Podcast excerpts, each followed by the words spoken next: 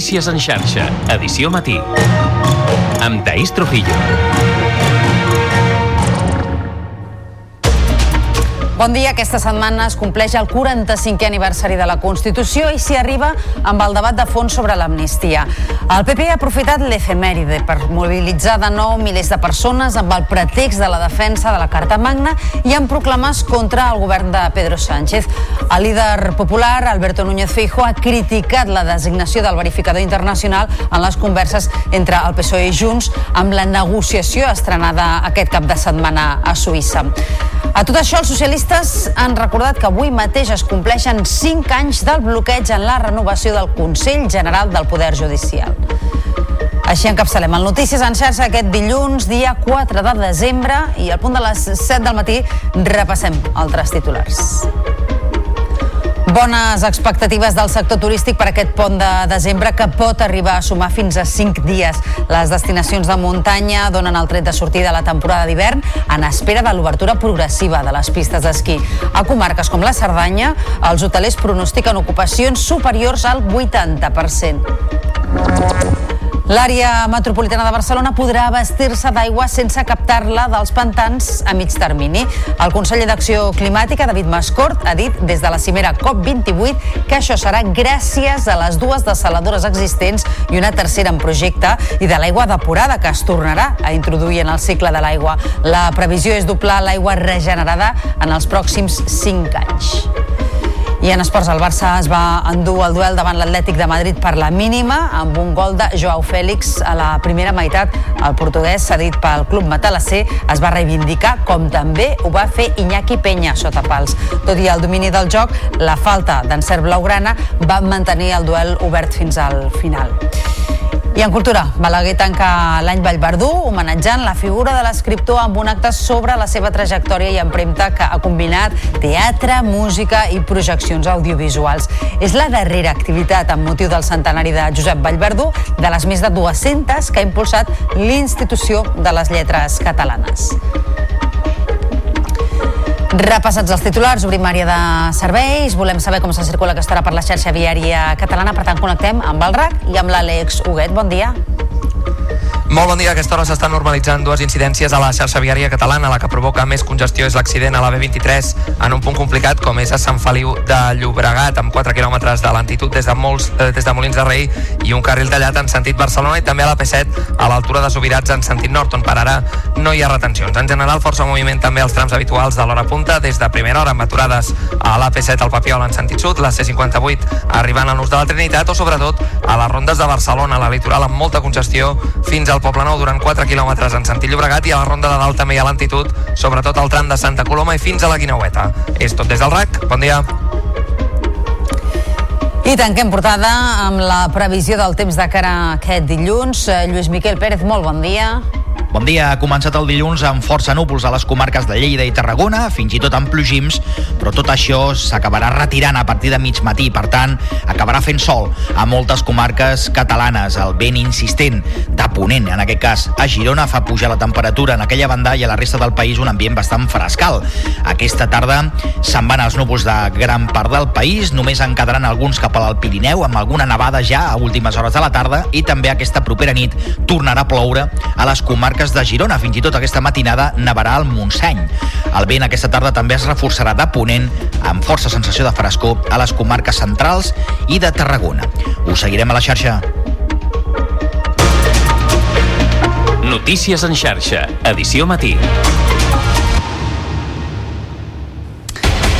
Aquesta setmana es compleix el 45è aniversari de la Constitució espanyola i amb el pretext de celebrar la Carta Magna, el PP ha fet en les últimes hores un acte multitudinari a Madrid que s'ha acabat convertint en un clam contra l'amnistia i el govern de Pedro Sánchez. La convocatòria ha plegat 8.000 persones, segons la delegació del govern a Madrid, i 15.000, segons el PP, davant el temple de Devot i ha comptat amb la participació també de Vox. En el seu discurs, el president del Partit Popular, Alberto Núñez Feijóo, també ha criticat durament la designació d'un verificador internacional en les converses entre el PSOE i Junts i ho ha qualificat d'humiliació insuportable. A més, ha amenaçat de mantenir les mobilitzacions. Es un experto en guerrillas latinoamericanas la que nos tiene que decir cómo España trata a una de sus comunidades autónomas? Exijo, en nombre de España, que cese este despropósito para comprar más tiempo para vivir en la Moncloa, por favor. A tot això, l'expresident de la Generalitat, Carles Puigdemont, ha sortit al pas de les crítiques del PP.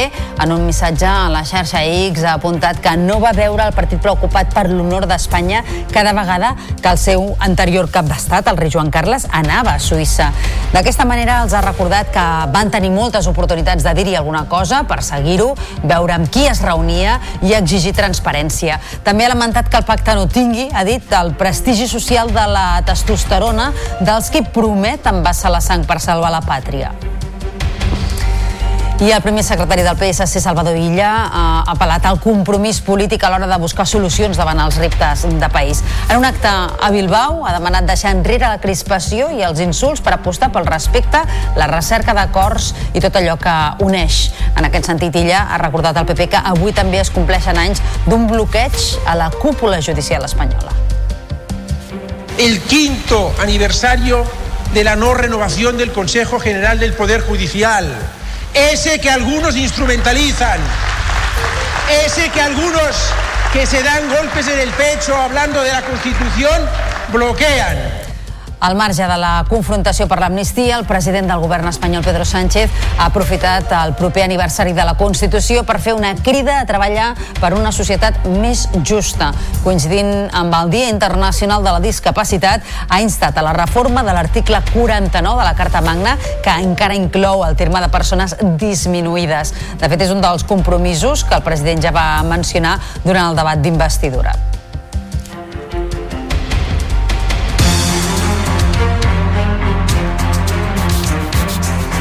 7 i 7 minuts ara del matí, expectativa i bons pronòstics del sector turístic davant el pont de desembre. És un pont que enguany pot arribar a sumar fins a 5 dies i que marca el tret de sortida a la temporada d'hivern.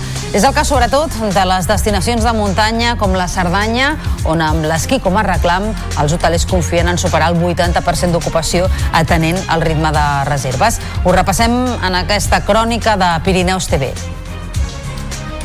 La neu sempre és un dels principals reclams per passar aquests dies festius a la comarca i tot i que enguany les nevades han estat escasses, els hotelers asseguren que el pont serà positiu. En aquest sentit, han indicat que l'obertura de les estacions d'esquí de l'Alta Cerdanya els beneficiarà. El fred ha començat més tard, el pont de la Puríssima està molt justet, tenim les estacions franceses, franceses que han obert, com Porte que va obrir la setmana passada, a Font Romeu i els angles que obren aquesta setmana i això ja és un al·licient i les estacions catalanes, Masella i Molina, a la que puguin segurament cobriran. Esperem que el pont puguem salvar-ho amb això i aviam si ve el fred i, i ve neu, que al final és aigua que també necessitem. De cares a les festes de Nadal, Cap d'Any i Reis, les reserves des de Sant Esteve fins l'1 de gener freguen ja el 90%. En relació als grups d'hivern, les previsions també són positives i són les mateixes que l'any passat. A partir del gener, doncs, l'ocupació anirà subjecta a la presència de neu a les estacions d'esquí. I en aquest sentit, l'estació d'esquí d'Ordino Arcalís a Andorra ha començat la temporada d'hivern una setmana abans del previst. De moment, això sí, només hi ha algunes pistes obertes i el preu del forfet és més baix, 30 euros. Aquest primer cap de setmana ja han passat per l'estació miler de persones i és una xifra que convida a l'optimisme. Els responsables de l'estació Espirena aspiren a igualar o a superar els 200.000 forfets que es van vendre l'any passat.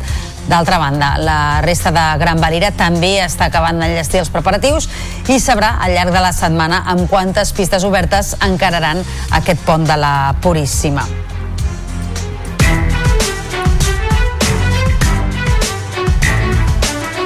L'àrea metropolitana de Barcelona podrà vestir-se sense captar aigua dels pantans en els pròxims anys. Això serà gràcies a les dues desalinitzadores existents i una tercera en projecte i també de l'aigua depurada i regenerada que es tornarà a introduir en el cicle de l'aigua.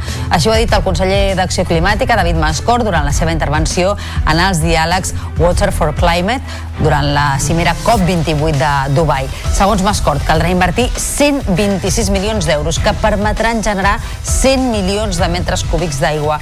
Això permetrà doblar l'aigua regenerada en 5 anys. Les inversions apuntats s'hauran d'executar a curt termini, ja que el problema de sequera global s'ha avançat més de 20 anys respecte a les previsions anteriors. Eh, ens adonem que tot el planeta està passant el mateix i és que de cop eh, tenim tota una sèrie de problemes amb els recursos que no teníem llavors eh, el, allò que ens deien que passaria el 2040 o el 2050 ens ho hem trobat a sobre avui ja i hem de reaccionar de cop contra molts problemes que pensàvem que vindrien de forma successiva. El canvi climàtic i l'acció humana està posant en perill diverses espècies animals. Una d'elles és l'orangutan de Borneo. El Zoo de Barcelona, que acull sis exemplars d'aquesta espècie, participarà en un projecte per protegir-la. Està en perill crític d'extinció per la destrucció del seu hàbitat i els incendis. La Fundació del Zoo col·laborarà per protegir l'hàbitat natural dels orangutans, contribuirà a la recerca per fer-ne un seguiment de la població i també farà tasques per conscienciar la població local per preservar el patrimoni cultural. Una trentena d'activistes es van despullar ahir a la plaça de Catalunya de Barcelona per protestar contra la indústria palletera.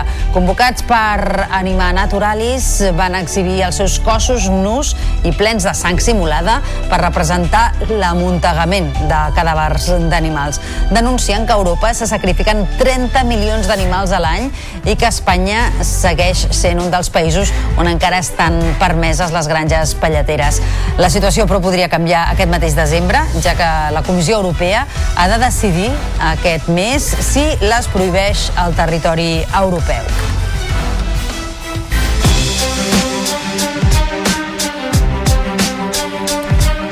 L'aplicació de la tecnologia permet moltes millores que eren impossibles fa un temps. Ho hem vist darrerament amb la intel·ligència artificial, però hi ha moltes altres tecnologies complexes que aplicades en àmbits com el de la salut permetran que tractaments contra el càncer siguin més eficients o millorar la qualitat de vida dels pacients. Volem conèixer algunes empreses que ja ho apliquen. Ens ho explica el Joan Ferrer. Tothom que hagi patit un càncer coneix la duresa dels tractaments i també la por de patir metàstasi, dos aspectes contra els que lluiten els medicaments de nanoligen. El projecte sorgit de la Universitat Autònoma i l'Hospital de Sant Pau desenvolupa fàrmacs que puguin atacar les cèl·lules tumorals amb més precisió i sense tants efectes secundaris, al mateix temps que evita que el càncer s'expandeixi. Olga Almacelles és la project manager de. Nosaltres estem desenvolupant un, unes nanopartícules que ens permeten dirigir específicament el tractament a la cèl·lula tumoral a la cèl·lula metastàtica. Un cop la nanopartícula reconeix la cèl·lula tumoral, s'internalitza i s'allibera, entra dins la cèl·lula tumoral i s'allibera específicament aquest tòxic dins la cèl·lula tumoral i mata específicament la cèl·lula tumoral. I abans del tractament ha el diagnòstic. Per detectar, per exemple, el càncer de mama cal fer mamografies que apliquen radiació i poden ser doloroses. Un projecte participat pel Barcelona Supercomputing Center desenvolupa un software que permet fer un diagnòstic més acurat a través d'ultrasons i alhora millora el confort en el procés. Josep de la Puente és CTO de Frontwave Imaging. La meitat de les dones tenen un pit anomenat dens, en els quals és més difícil trobar un tumor, sobretot quan és molt petit. Fer servir un tipus de dades que són d'ultrasons, i nosaltres agafem aquestes dades, aquest senyal, i el reconstruïm la imatge a partir de dades de, de so, pistes d'àudio, diguéssim, i construïm una imatge fent servir supercomputació, bàsicament algoritmes de càlcul molt avançats que ens permeten d'aquestes dades construir una imatge que realment té una resolució semblant o superior a les que trobem en mamografies i donar la capacitat de diagnosticar en tot tipus de teixits. El càncer de mama afecta una de cada vuit dones. Milers de persones s'han posat la gorra al poble espanyol de Barcelona per donar visibilitat als infants i adolescents que pateixen càncer. L'Associació de Familiars i Amics de Nens Oncològics de Catalunya organitza des de fa 23 anys aquesta jornada per recaptar fons per a la recerca sobre el càncer infantil.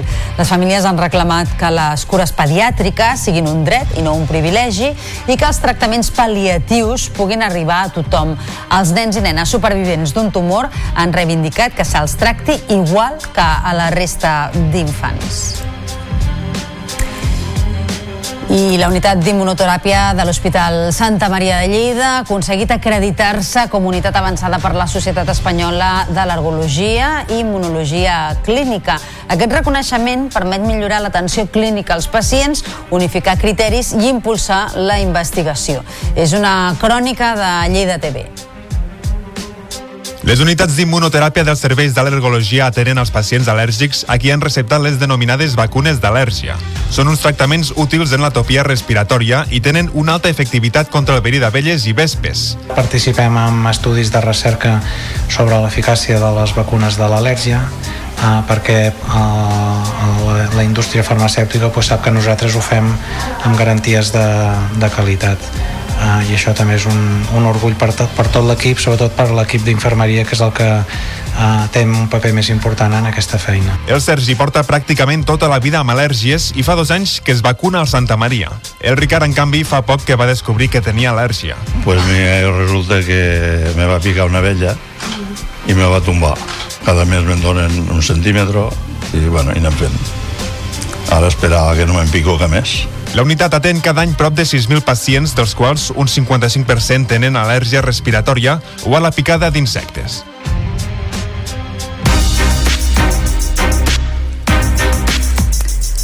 Passarà un minut d'un quart de vuit del matí. Joves d'Unió de Pagesos elaboren un decàleg proposant mesures que contribueixin al rejuveniment del camp català, actualment amb un grau d'envelliment preocupant. I és que només el 5% dels caps d'explotació del país tenen menys de 35 anys. El document per un futur com cal al camp català ja l'han fet arribar al president de la Generalitat, Pere Aragonès. Ens en dona més detalls l'Ariadna Sánchez des de Lleida TV que es tingui en compte la transversalitat de l'agricultura i es defensi l'espai agrari per mitjà de la normativa de la llei d'espais agraris que obliga un anàlisi d'afectacions en la planificació territorial i urbanística i en projectes d'obres. Aquesta és una de les principals reclamacions que Joves d'Unió de Pagesos ha volgut plasmar en un decàleg entregat al president de la Generalitat. Segons el sindicat, només el 4,84% dels caps d'explotació de Catalunya tenen menys de 35 anys. I aquesta pagesia es va envellint i té cada vegada més dificultats. L'activitat agrària que coneixem nosaltres i la que defensem nosaltres, que és la petita pagesia familiar i mitjana, eh, s'acaba. El sector apunta també sentir-se vulnerable a causa de l'especulació en el desplegament d'energies renovables, així com reclamen al govern que modifiqui el pla de sequera, prioritzant els usos de l'agricultura i la ramaderia davant d'altres no essencials. La sequera ens està dificultant dificultant el nostre futur. També vam parlar de la modernització del rec, un tema capdalt aquí, s'ha de fer una mica més des de l'administració pel tema del finançament i ajudar a que, a que qualli, no? a, que, a que ho portem a cap, a, cap aquí. El sindicat assegura que seguirà treballant per lluitar pel futur del sector. Diversos pobles del Ripollès, com ara les Lloses, Sant Jaume de Frontanyà o Molló, pateixen reiterats problemes de cobertura mòbil. Unes incidències que ja fa mesos que s'arrosseguen i que no s'han solucionat. L'Ajuntament de les Lloses va aprovar fa uns dies una moció per exigir una solució. Els municipis plantegen fer un front comú per millorar la cobertura mòbil. Ens ho expliquen des de la televisió del Ripollès. El repetidor del Puigdon a Alpens dona servei a part del terme municipal del mateix municipi, però també a Sant Jaume de Frontanyà, les Llosses i també part de Borredà. Són tots municipis afectats i on la cobertura de Movistar associada a aquest repetidor es perd de forma molt sovintejada. Es tracta d'una situació sense sentit que ha portat el ple de les Llosses a aprovar una moció per reparar les deficiències de la instal·lació. Ara aquests darrers temps és terrible. No, no, no parem de tenir eh, tallades de, de cobertura mòbil. Clar, en un moment en què ens estem plantejant fer tot un tema de rehabilitació, de trencar amb aquest despoblament, de donar-li un catgerell al municipi, que aquests serveis bàsics no ens funcionin, és més, funcionin pitjor que fa un any, és un desastre. Només des de l'abril, en més de 10 ocasions, s'ha estat sense cobertura durant hores i en una ocasió durant més de 3 dies seguits. En el seu moment es va intentar fer una intervenció, però Telefònica es va negar i encara es nega a pagar la part corresponent per electrificar el repetidor, que funciona encara amb gasoil. Els municipis afectats, però, tenen clar que hauran d'actuar junts i de mutu acord per totes les vies possibles. Des de fa mesos, el sector de la instal·lació energètica considera que falten treballadors qualificats que es dediquin a aquesta professió. El Gremi d'Instal·ladors del Baix Penedès treballa per pal·liar aquesta mancança i ha fet una gran aposta en formació per reciclar coneixements i també per formar a joves. Ens ho expliquen els companys de la televisió del Vendrell. El sector de la instal·lació i l'energia està patint una gran problemàtica. Falta personal qualificat que es vulgui dedicar a aquesta professió, tenint en compte el gran volum de feina que hi ha actualment i el que es preveu en uns anys si pensem en els objectius marcats per la transició energètica. El Gremi d'Instal·ladors del Baix Penedès, entitat que agrupa diverses empreses del sector de la comarca, fa mesos que treballa per afrontar aquesta situació. Nosaltres apostem molt fort pel, pel tema de la formació, sempre basant-nos en formació contínua, en reciclatge, i amb renovació i bueno, aprofitem els fons per exemple Next Generation per fer formació bonificada i per ajudar doncs, a tot aquest personal doncs, a que es pugui reciclar. A aquesta problemàtica s'hi suma la manca de relleu generacional, fet que comporta l'agreujament de la falta de mà d'obra qualificada. Per aquest motiu, des de fa uns mesos, al Gremi s'han començat a impartir formacions molt específiques, les quals faciliten la incorporació de nous joves al mercat laboral. Thank you.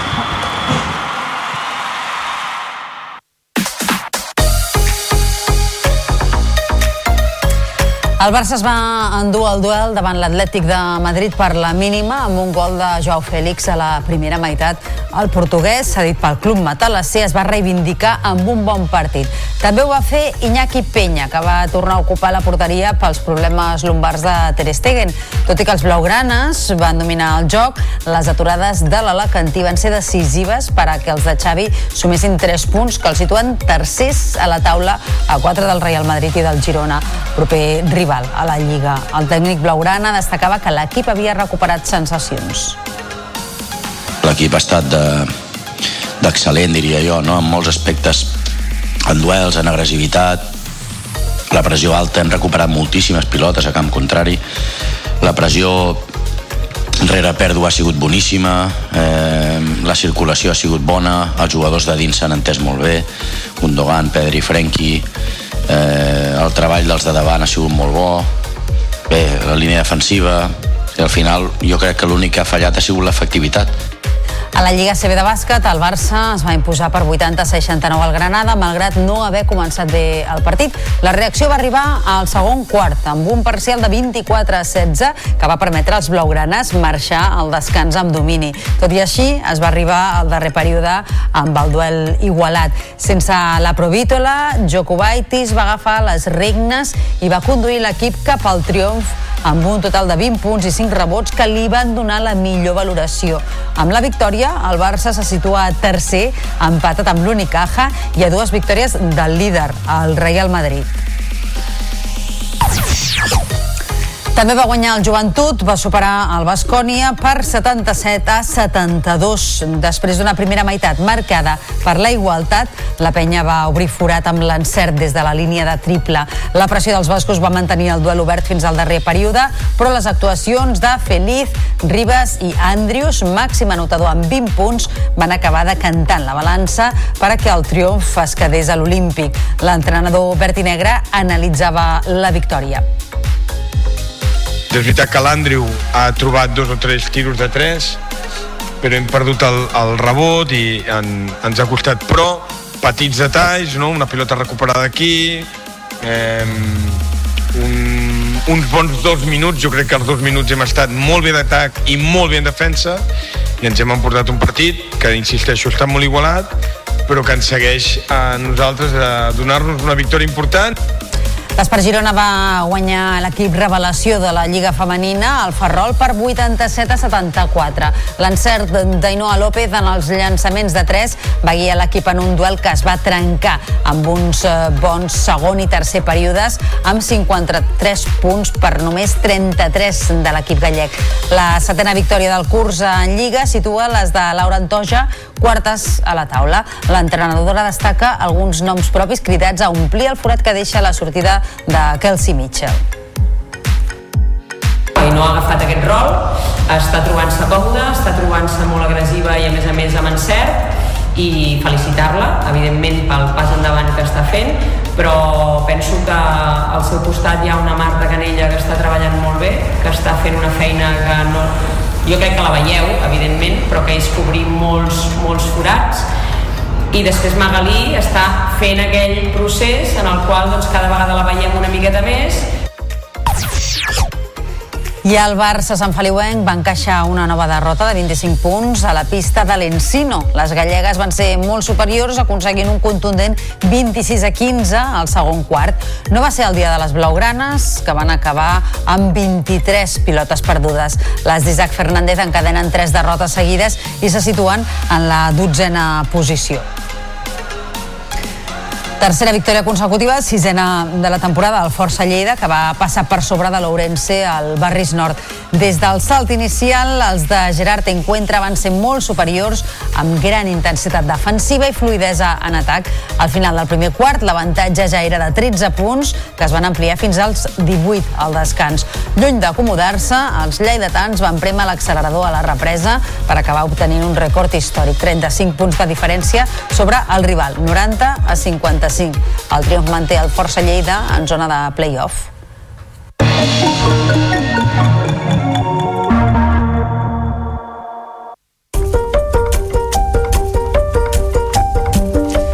Balaguer va tancar ahir l'any Vallverdú homenatjant la figura de l'escriptor amb un acte sobre la seva trajectòria que va combinar teatre, música i projeccions audiovisuals. El Teatre Municipal de Balaguer va ser escenari de la darrera posada en escena dels actes impulsats per l'Institució de les Lletres Catalanes. Han estat més de 200 activitats celebrades arreu del país amb motiu del centenari de Josep Vallverdú. Ahir diumenge, centenars de persones, entre veïns, familiars i autoritats, van acompanyar Vallverdú en un acte que va repassar la seva trajectòria. El mateix Vallverdú va destacar l'estima que sempre ha rebut de la ciutadania. La sensació de ser estimat, de tu a tu, més enllà de l'homenatge a l'escriptor, al comentarista social, al militant de la defensa de la llengua. No exagero, el més sorprenedor era el goig compartit de l'estada, el brill de la mirada dels infants, el testimoni directe de la bona gent. I encara parlant de lletres, una cinquantena d'editorials i llibreries han participat aquest cap de setmana a la sisena edició de la Fira Indi Lletres a la Bisbal d'Empordà. L'encarregat d'inaugurar la fira ha estat el cineasta Albert Serra i enguany el Premi Llucieta Canyà ha estat per a Gemma Medina pel seu article Saber dir la Vivó. A més, s'han organitzat contacontes, tertúlies, debats i concerts. Un dels objectius de la Fira Indi Lletres és donar un espai a les diferents editorials independents dels països catalans i acostar la cultura a tothom. I més de 7.000 persones han passat aquest cap de setmana per la Farga de l'Hospitalet de Llobregat per assistir al Saló Saga, el doble que en l'edició de l'any passat. Aquesta segona edició del Festival del Gaming, organitzat per la Plataforma per la Llengua amb el suport de la Generalitat, ha acollit una partida de League of Legends en català i ha passat de 50 a 75 expositors. Les competicions pel Saló s'han pogut seguir en directe a YouTube i Twitch.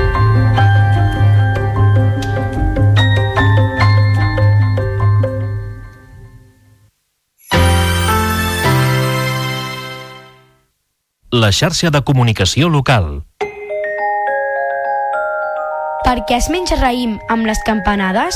Un grup de joves és al carrer en plena nit i de sobte es posen a menjar raïm i fer-se petons i abraçades. No hi ha dubte, és la nit de cap d'any perquè així és com solem celebrar aquesta data. La tradició mana que es prenguin 12 grans de raïm coincidint amb les campanades que indiquen l'arribada d'un any nou. És una manera d'invocar la bona sort per als 12 mesos que acaben de començar. A diferents llocs del món, però, hi ha moltes altres tradicions per atreure la prosperitat. Prendre's una copa de xampany amb un anell d'or dins la copa o anar a peu coix sobre la cama esquerra per començar l'any recolzant el peu dret en són algunes de les més conegudes. Però no són les úniques i n'hi ha de molt curioses. A Itàlia es costum menjar moltes llenties perquè diuen que així seran més rics. A Dinamarca trenquen els plats que han fet servir i a les 12 en punt s'enfilen a una cadira i salten sobre els plats trencats. Els irlandesos agafen un pa de Nadal i amb ell colpegen tota la casa fins a l'últim racó. Hi ha costums, com veieu, per a tots els gustos. Fins a quina hora pot durar una festa de cap d'any? Una cosa és evident, la festa comença just a les 12 de la nit entre petons, abraçades i expressions de bons desitjos per a l'any que comença. Quan s'acaba la celebració ja depèn de les ganes i les circumstàncies de cadascú. Pot acabar a dos quarts d'una o continuar fins a la matinada.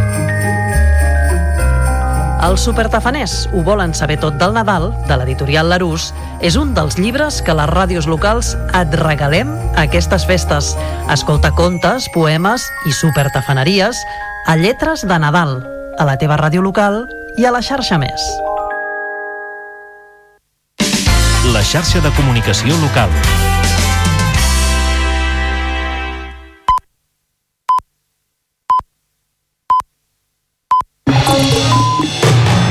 Notícies en xarxa, edició matí. Amb Taís Trujillo. Bon dia, són dos quarts de vuit del matí i avui encapçalem el Notícies en xarxa amb el debat de fons sobre l'amnistia que plana sobre l'aniversari de la Constitució que compleix 45 anys aquesta setmana. El PP ha aprofitat l'efemèride per mobilitzar de nou milers de persones amb el pretext de la defensa de la Carta Magna i amb proclames contra el govern de Pedro Sánchez. El líder popular Alberto Núñez Feijó ha criticat la designació del verificador internacional en les converses entre el PSOE i Junts amb la negociació estrenada aquest cap de setmana a Suïssa. A tot això, els socialistes han recordat que avui mateix es compleixen 5 anys del bloqueig en la renovació del Consell General del Poder Judicial. De seguida us ho ampliem, abans però repassem també altres titulars d'aquest dilluns 4 de desembre. Bones expectatives del sector turístic per aquest pont de desembre que pot arribar a sumar fins a 5 dies.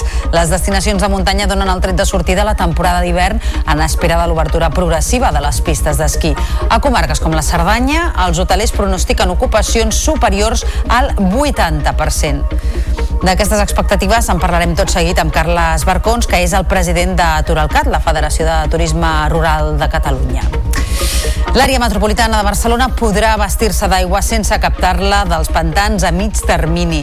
El conseller d'Acció Climàtica, David Mascort, ha dit des de la cimera COP28 que això serà gràcies a les dues desalinitzadores existents i una tercera en projecte i de l'aigua depurada que es tornarà a introduir en el cicle de l'aigua. La previsió és doblar l'aigua regenerada en els pròxims 5 anys. I en esports, el Barça es va endur el duel davant l'Atlètic de Madrid per la mínima amb un gol de Joao Fèlix a la primera meitat. El portuguès, cedit pel club matalasser, es va reivindicar com també ho va fer Iñaki Peña sota pals. Tot i el domini del joc, la falta d'encert blaugrana va mantenir el duel obert fins al final.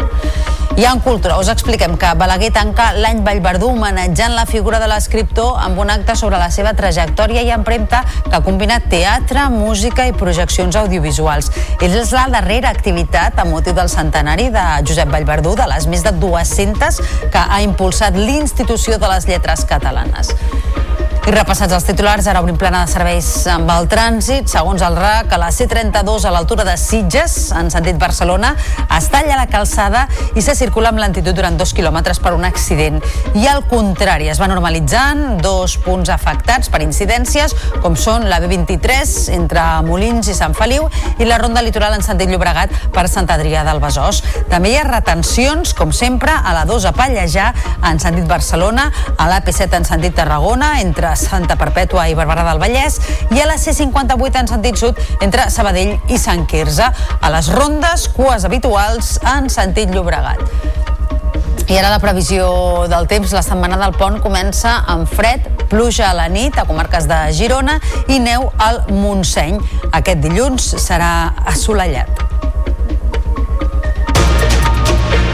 Notícies en xarxa, edició matí.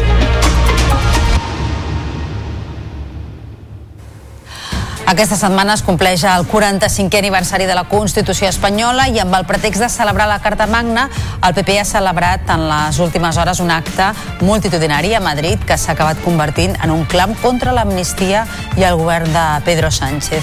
La convocatòria ha plegat 8.000 persones, segons la delegació del govern madrileny, i 15.000 segons el PP davant el temple de Devot i ha comptat amb la participació també de Vox.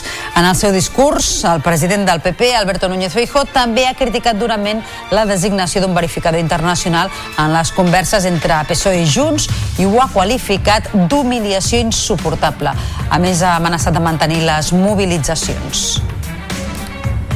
Es un experto en guerrillas latinoamericanas la que nos tiene que decir cómo España trata a una de sus comunidades autónomas? Exijo, en nombre de España, que cese este despropósito para comprar más tiempo para vivir en la Moncloa, por favor. A tot això, l'expresident de la Generalitat, Carles Puigdemont, ha sortit al pas de les crítiques del PP. En un missatge a la xarxa X s'ha apuntat que no va veure el partit preocupat per l'honor d'Espanya cada vegada que el seu anterior cap d'estat, el rei Joan Carles, s'anava cap a Suïssa. D'aquesta manera ens ha recordat que van tenir moltes oportunitats de dir-hi alguna cosa per seguir-ho, veure amb qui es reunia i exigir transparència. També ha lamentat que el pacte no tingui, ha dit, el prestigi social de la testosterona dels qui prometen vessar sang per salvar la pàtria. El primer secretari del PSC, Salvador Illa, ha apel·lat al compromís polític a l'hora de buscar solucions davant els reptes de país. En un acte a Bilbao ha demanat deixar enrere la crispació i els insults per apostar pel respecte, la recerca d'acords i tot allò que uneix. En aquest sentit, Illa ha recordat al PP que avui també es compleixen anys d'un bloqueig a la cúpula judicial espanyola. El quinto aniversario de la no renovación del Consejo General del Poder Judicial, ese que algunos instrumentalizan, ese que algunos que se dan golpes en el pecho hablando de la Constitución bloquean. Al marge de la confrontació per l'amnistia, el president del govern espanyol, Pedro Sánchez, ha aprofitat el proper aniversari de la Constitució per fer una crida a treballar per una societat més justa. Coincidint amb el Dia Internacional de la Discapacitat, ha instat a la reforma de l'article 49 de la Carta Magna, que encara inclou el terme de persones disminuïdes. De fet, és un compromís, un dels compromisos que el president ja va mencionar durant el seu debat d'investidura.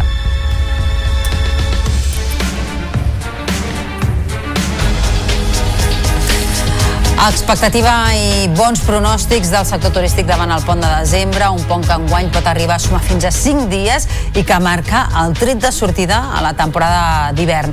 És el cas sobretot de les destinacions de muntanya com, eh, que tenen l'esquí com a reclam i allà els hotelers confien en superar el 80% d'ocupació atenent el ritme actual de les eh, reserves que ja s'estan fent.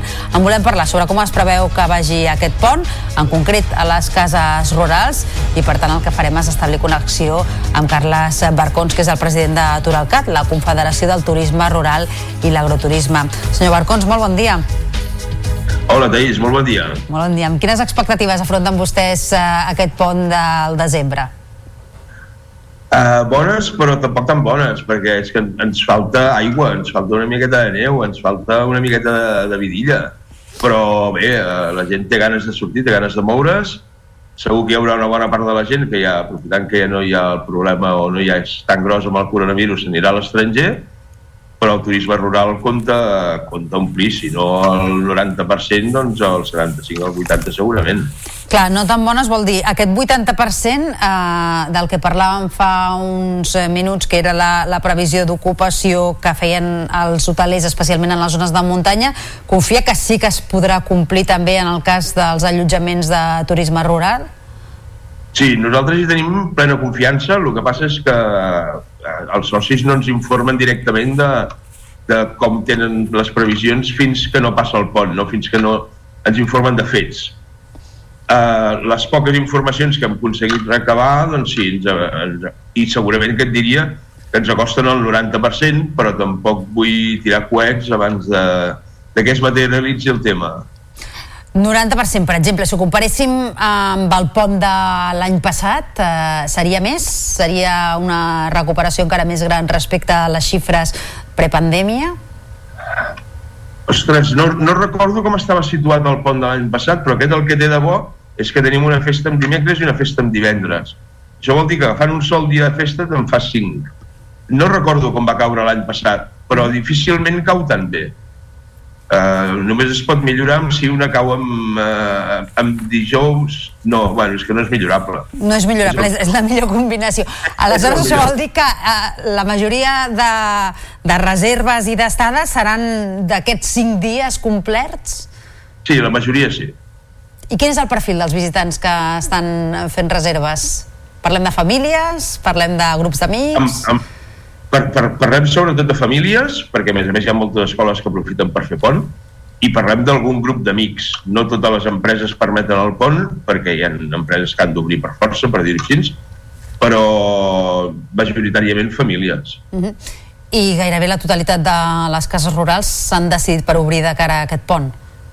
Sí, sí, sí. Totes les que no tenen algun requeriment especial per tenir tancat, eh, totes obren s'ha d'aprofitar, no? Són, uh, això, Nadal, Cap d'Any, són uh, Sant Joan, són els dies de la Setmana Santa.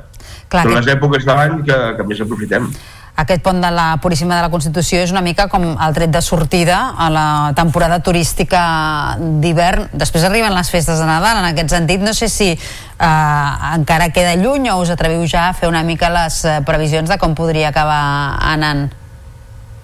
Nadal es reserva molt per endavant. El que passa és que, com diu la dita, per Nadal cada ovella el seu corral. No sempre omplim i no sempre es vol omplir, perquè també es vol estar amb la família i si treballes no et dona aquesta llibertat per poder estar amb la família. Llavors hi ha molta gent que també opta per, eh, per tenir tancat.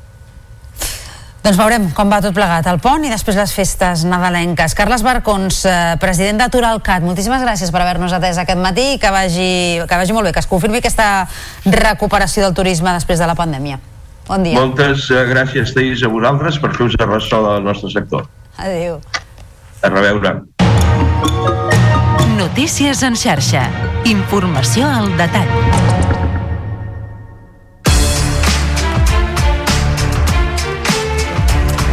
L'àrea metropolitana de Barcelona podrà vestir-se sense captar aigua dels pantans en els pròxims anys. Això serà gràcies a les dues desalinitzadores existents i una tercera en projecte i de l'aigua depurada i regenerada que es tornarà a introduir en el cicle de l'aigua. Així ho ha dit el conseller d'Acció Climàtica, David Mascor, durant la seva intervenció en els diàlegs Water for Climate durant la cimera COP28 de Dubai. Segons Mascor, caldrà invertir 126 milions d'euros que permetran generar 100 milions de metres cúbics d'aigua. Això permetrà doblar l'aigua regenerada en 5 anys. Les inversions apuntats s'hauran d'executar a curt termini, ja que el problema de sequera global s'ha avançat més de 20 anys respecte a les previsions anteriors eh, ens adonem que tot el planeta està passant el mateix. I és que de cop eh, tenim tota una sèrie de problemes amb els recursos que no teníem. Llavors eh, el, allò que ens deien que passaria el 2040 o el 2050 ens ho hem trobat a sobre avui ja i hem de reaccionar de cop contra molts problemes que pensàvem que vindrien de forma successiva El canvi climàtic i l'acció humana està posant en perill diverses espècies animals. Una d'elles és l'orangutan de Borneo. El Zoo de Barcelona acull sis exemplars d'aquesta espècie i participarà en un projecte per protegir-la. Està en perill crític d'extinció per la destrucció del seu hàbitat i els incendis. La Fundació del Zoo col·laborarà per protegir l'habitat natural dels orangutans, contribuirà a la recerca per fer-ne un seguiment de la població i també farà tasques per conscienciar conscienciar la població local per tal de preservar el patrimoni cultural. I una trentena d'activistes es van despullar ahir a la plaça de Catalunya de Barcelona per protestar contra la indústria palletera. Convocats per Anima Naturalis, van exhibir els seus cossos nus i plens de sang simulada per representar l'amuntegament de cadàvers d'animals. Denuncien que a Europa se sacrifiquin 30 milions d'animals a l'any i que Espanya segueixi sent un dels països on encara estan permeses les granges palleteres. La situació, però, podria canviar aquest mateix desembre, ja que la Comissió Europea ha de decidir si les prohibeix al territori europeu.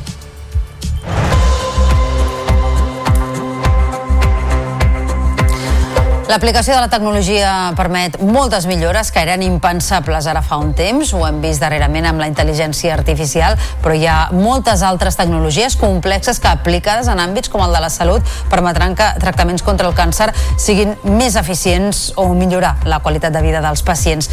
Volem conèixer algunes empreses que ja ho apliquen. Ens ho explica el nostre company Joan Ferrer.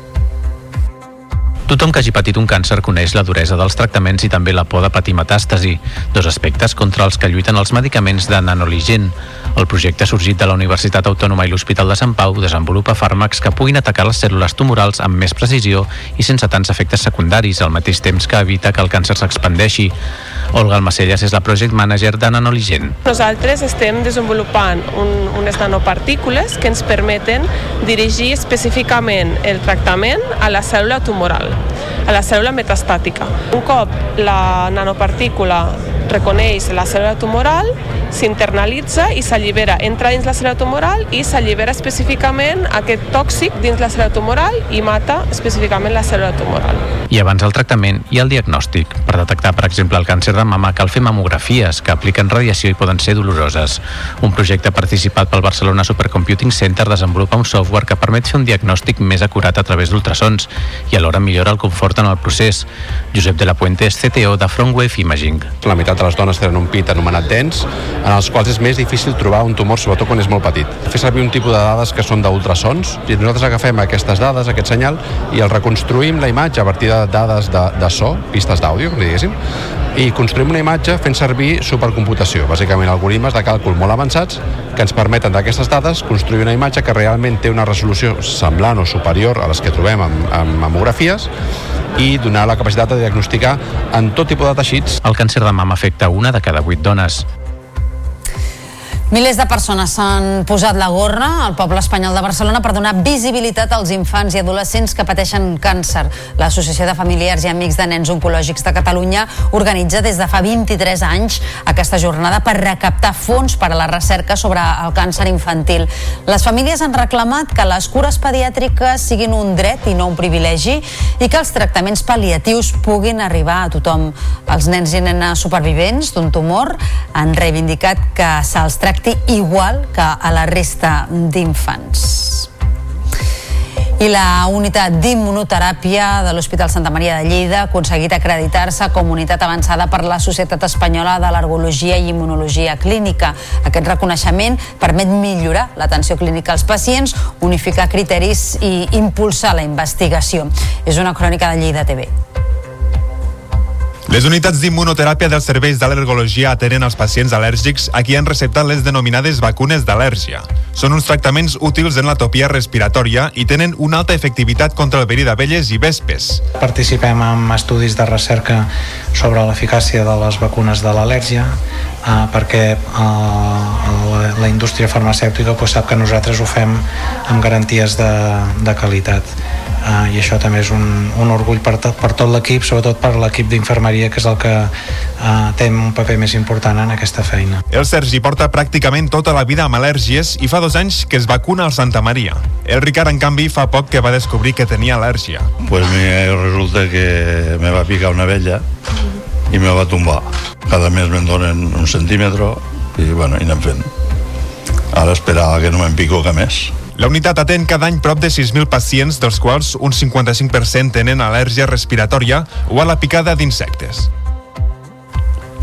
Els Mossos d'Esquadra han detingut eh, nou persones per una baralla amb pals, pedres i armes blanques a la plaça de la Gardunya, al costat del Mercat de la Boqueria, a Barcelona. En l'enfrontament, que va passar dissabte al vespre, hi va participar un grup nombrós de persones i entre els detinguts hi ha algunes persones amb cops i contusions. Els Mossos d'Esquadra han obert una investigació per aclarir les causes de l'enfrontament, mentre que diverses associacions han denunciat la intervenció policial per fer detencions de forma indiscriminada i amb un biaix racista. I a Manresa, els Mossos d'Esquadra investiguen una agressió amb arma blanca a la zona d'oci de Trullols. Els fets es van produir poc abans de les 5 de la matinada de diumenge a l'exterior de la discoteca Born. Dos joves van resultar ferits, un dels quals haurien necessitat l'ingrés a la unitat de cures intensives, si bé ja estaria a hores d'ara fora de perill.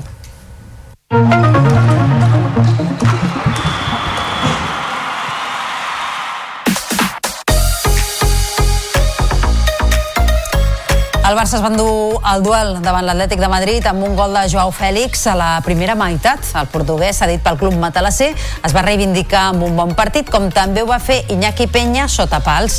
Les aturades de l'Alacantí van ser decisives per que els blaugranes sumessin 3 punts que els situen tercers a la taula, a 4 del Real Madrid i del Girona. Xavi destacava que l'equip havia recuperat sensacions.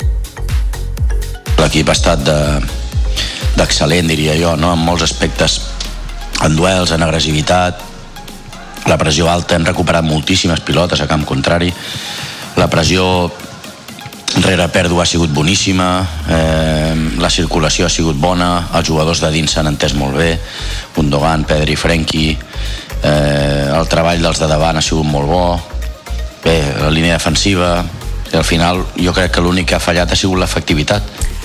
A la Lliga CB de bàsquet, el Barça es va imposar per 80-69 al Granada, malgrat no haver començat bé el partit. La reacció va arribar al segon quart amb un parcial de 24-16 que va permetre als blaugranes marxar al descans amb domini. Tot i així es va arribar al darrer període de um, duel igualat. Sense la provítola, Jokubaitis va agafar les regnes i va conduir l'equip cap al triomf amb un total de 20 punts i 5 rebots que li van donar la millor valoració. Amb la victòria, el Barça s'ha situat tercer ha empatat amb l'Unicaja i a dues victòries del líder, el Real Madrid. També va guanyar el Joventut, va superar el Bascònia per 77 a 72. Després d'una primera meitat marcada per la igualtat, la penya va obrir forat amb l'encert des de la línia de triple. La pressió dels bascos va mantenir el duel obert fins al darrer període, però les actuacions de Feliz, Ribas i Andrius, màxim anotador amb 20 punts, van acabar de cantar la balança per als vertinegres. L'entrenador, Carles Duran, analitzava el triomf. És veritat que l'Andrew ha trobat dos o tres tiros de tres, però hem perdut el, el rebot i en, ens ha costat. Però petits detalls, no? una pilota recuperada aquí, eh, un, uns bons dos minuts, jo crec que els dos minuts hem estat molt bé d'atac i molt bé en defensa, i ens hem emportat un partit que, insisteixo, està molt igualat, però que ens segueix a nosaltres a donar-nos una victòria important. L'Espart Girona va guanyar l'equip revelació de la Lliga Femenina, el Ferrol, per 87 a 74. L'encert d'Ainoa López en els llançaments de 3 va guiar l'equip en un duel que es va trencar amb uns eh, bons segon i tercer períodes amb 53 punts per només 33 de l'equip gallec. La setena victòria del curs en la Lliga situa les de Laura Antoja quartes a la taula. I el Barça Sant Feliuenc va encaixar una nova derrota de 25 punts a la pista de l'Encino. Les gallegues van ser molt superiors, aconseguint un contundent 26 a 15 al segon quart. No va ser el dia de les blaugranes, que van acabar amb 23 pilotes perdudes. Les d'Isaac Fernández encadenen 3 derrotes seguides i se situen en la dotzena posició. I Olot acull des d'avui l'europeu femení d'hoquei patins. La cita reunirà fins dissabte els millors combinats del continent, inclosa la selecció espanyola, que parteix com a clara favorita. L'equip dirigit per Ricard Muñoz debutarà aquest vespre davant Portugal. És una informació d'Olot TV. El pavelló d'esports no s'ha hagut de sotmetre a grans modificacions, tot i que tindrà una posada en escena diferent de la que estem acostumats. La selecció espanyola ja s'ha posat a prova a la pista Josep Jou per conèixer el terreny i supervisar l'entorn. Les jugadores Aina Florenza i Anna Casarramona reconeixen que, malgrat conèixer bé les rivals, no serà fàcil. Crec que també fa anys que algunes ja juguem juntes dins de la selecció i que ara mateix eh, estem treballant molt bé i, i millorant cada dia. perquè com que en el hockey hi ha un any europeu, un any mundial, fa just un any ja vam jugar doncs, eh, contra Itàlia, a Portugal, bueno, són seleccions que, que ens anem creuant cada any, ens coneixem tant, tant nosaltres a elles com elles a nosaltres. Les espanyoles són les grans favorites per endur-se el trofeu. El torneig estrena un nou sistema de competició separat en dues fases diferents. El partit entre la selecció d'Anglaterra i Suïssa obrirà la fase de grups a les 3 de la tarda, mentre que Espanya i Portugal es veuran les cares a partir de dos quarts de nou del vespre. El Barça no cedeix a l'hoquei Lliga d'hoquei patins i va sumar una nova golejada a la pista d'Alcaldes. Joao Rodríguez va obrir el marcador i tot seguit va venir el recital ofensiu de Pau Argalló, autor de 3 dels 6 gols de l'equip. Van completar el marcador Marc Grau i Eloi Cervera. El triomf manté les blaugranes al capdavant de la taula, mentre que l'equip calderí queda dos punts per sobre de les posicions de descens. El jugador dels ballesans, Xavi Gurri, i l'entrenador del Barça, Edu Castro, feien aquestes lectures. Amb 3-0 ens hem, hem tingut un temps mort, ens hem hagut de, de pujar les piles novament. Ells, és que és el que dic, no paren, no paren, tot i ser una rotació de 6, ara tenen pana lesionat, però, però és que sembla que, que en siguin 10, perquè, perquè el seu ritme és, és brutal. Sabíem del potencial que tenen, especialment a casa i del hoquei que fan. La veritat és que hem aprofitat dues eh, pèrdues d'ells per posar-nos davant amb el 0-2 i després en la superioritat. El Reus Deportiu es va endur el triomf en el duel de la part alta davant el Liceo. Maxi Oruste i Martí Casas van avançar els roig i negres amb dos gols i malgrat que Carballeira va reduir diferències, la victòria no va perillar. L'equip del Baix Camp puja fins a la quarta posició, superant el Calafell i fent caure el Liceo fins a la sisena plaça.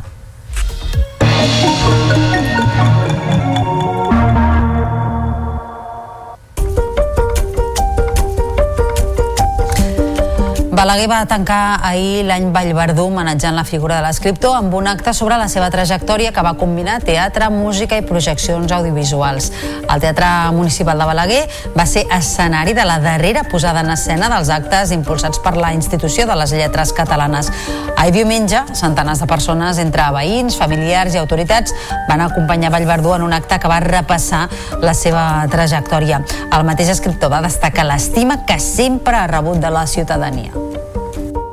La sensació de ser estimat, de tu a tu, més enllà de l'homenatge a l'escriptor, al comentarista social, al militant de la defensa de la llengua. No exagero, el més corprenedor era el goig compartit de l'estada, el brill de la mirada dels infants, el testimoni directe de la bona gent. Recuperar la memòria oral i gràfica dels ciutadans amb la catedral de Santa Maria d'Urgell. Aquest és l'objectiu del projecte La meva catedral, impulsat per diverses institucions de l'Alt Urgell. Ens ho expliquen des de Pirineus TV. Els impulsors demanen a la població quin és el record més feliç que tenen vinculat a la catedral i quina història singular hi han viscut. Ens interessa molt és eh, eh, conèixer les vivències de la gent de la seu en relació a la catedral. De fet, eh, el que busquem és que la gent ens pugui explicar la seva, una experiència curiosa que hagi viscut aquí, no?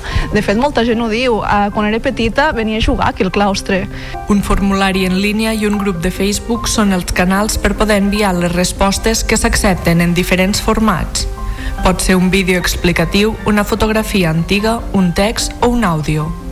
Per incentivar la participació, entre les respostes que rebin abans del 29 de febrer, es sortejaran 10 visites guiades. La idea és visitar el, el, bueno, l'absis, que tothom demana tant de poder visitar les galeries de l'absis, del transepte i fins i tot el fort de pa que està aquí amagat a la catedral. L'acció forma part de l'estratègia de noves i millors relacions entre la població local i el Museu Diocesà d'Urgell Catedral dins la candidatura de Patrimoni Mundial.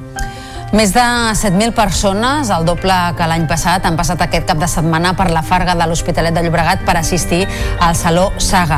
Aquesta segona edició del Festival del Gaming, organitzat per la Plataforma per la Llengua, amb el suport de la Generalitat, ha acollit una partida de League of Legends en català i ha passat de 50 a 75 expositors.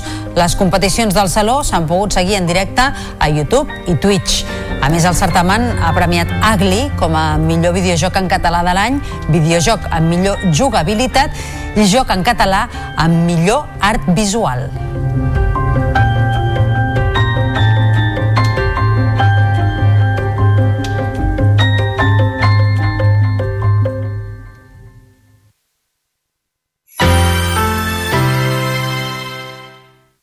La xarxa de comunicació local. Embaladit. Comunions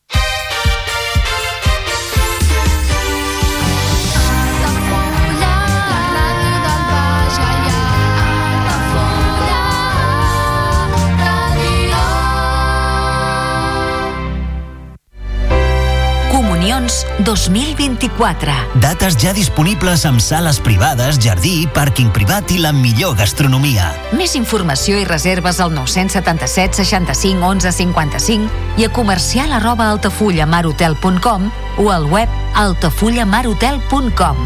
Les teves celebracions familiars a l'Altafulla Mar Hotel. Carrer Major, el programa de les emissores del Camp de Tarragona. Cada dia de 4 a 6 de la tarda, el que passa al Camp de Tarragona t'ho expliquem amb la major redacció d'un programa de territori quilòmetre zero. Periodisme de proximitat, continguts de qualitat, amb Anna Plaza i Toni Mateos. Carrer Major.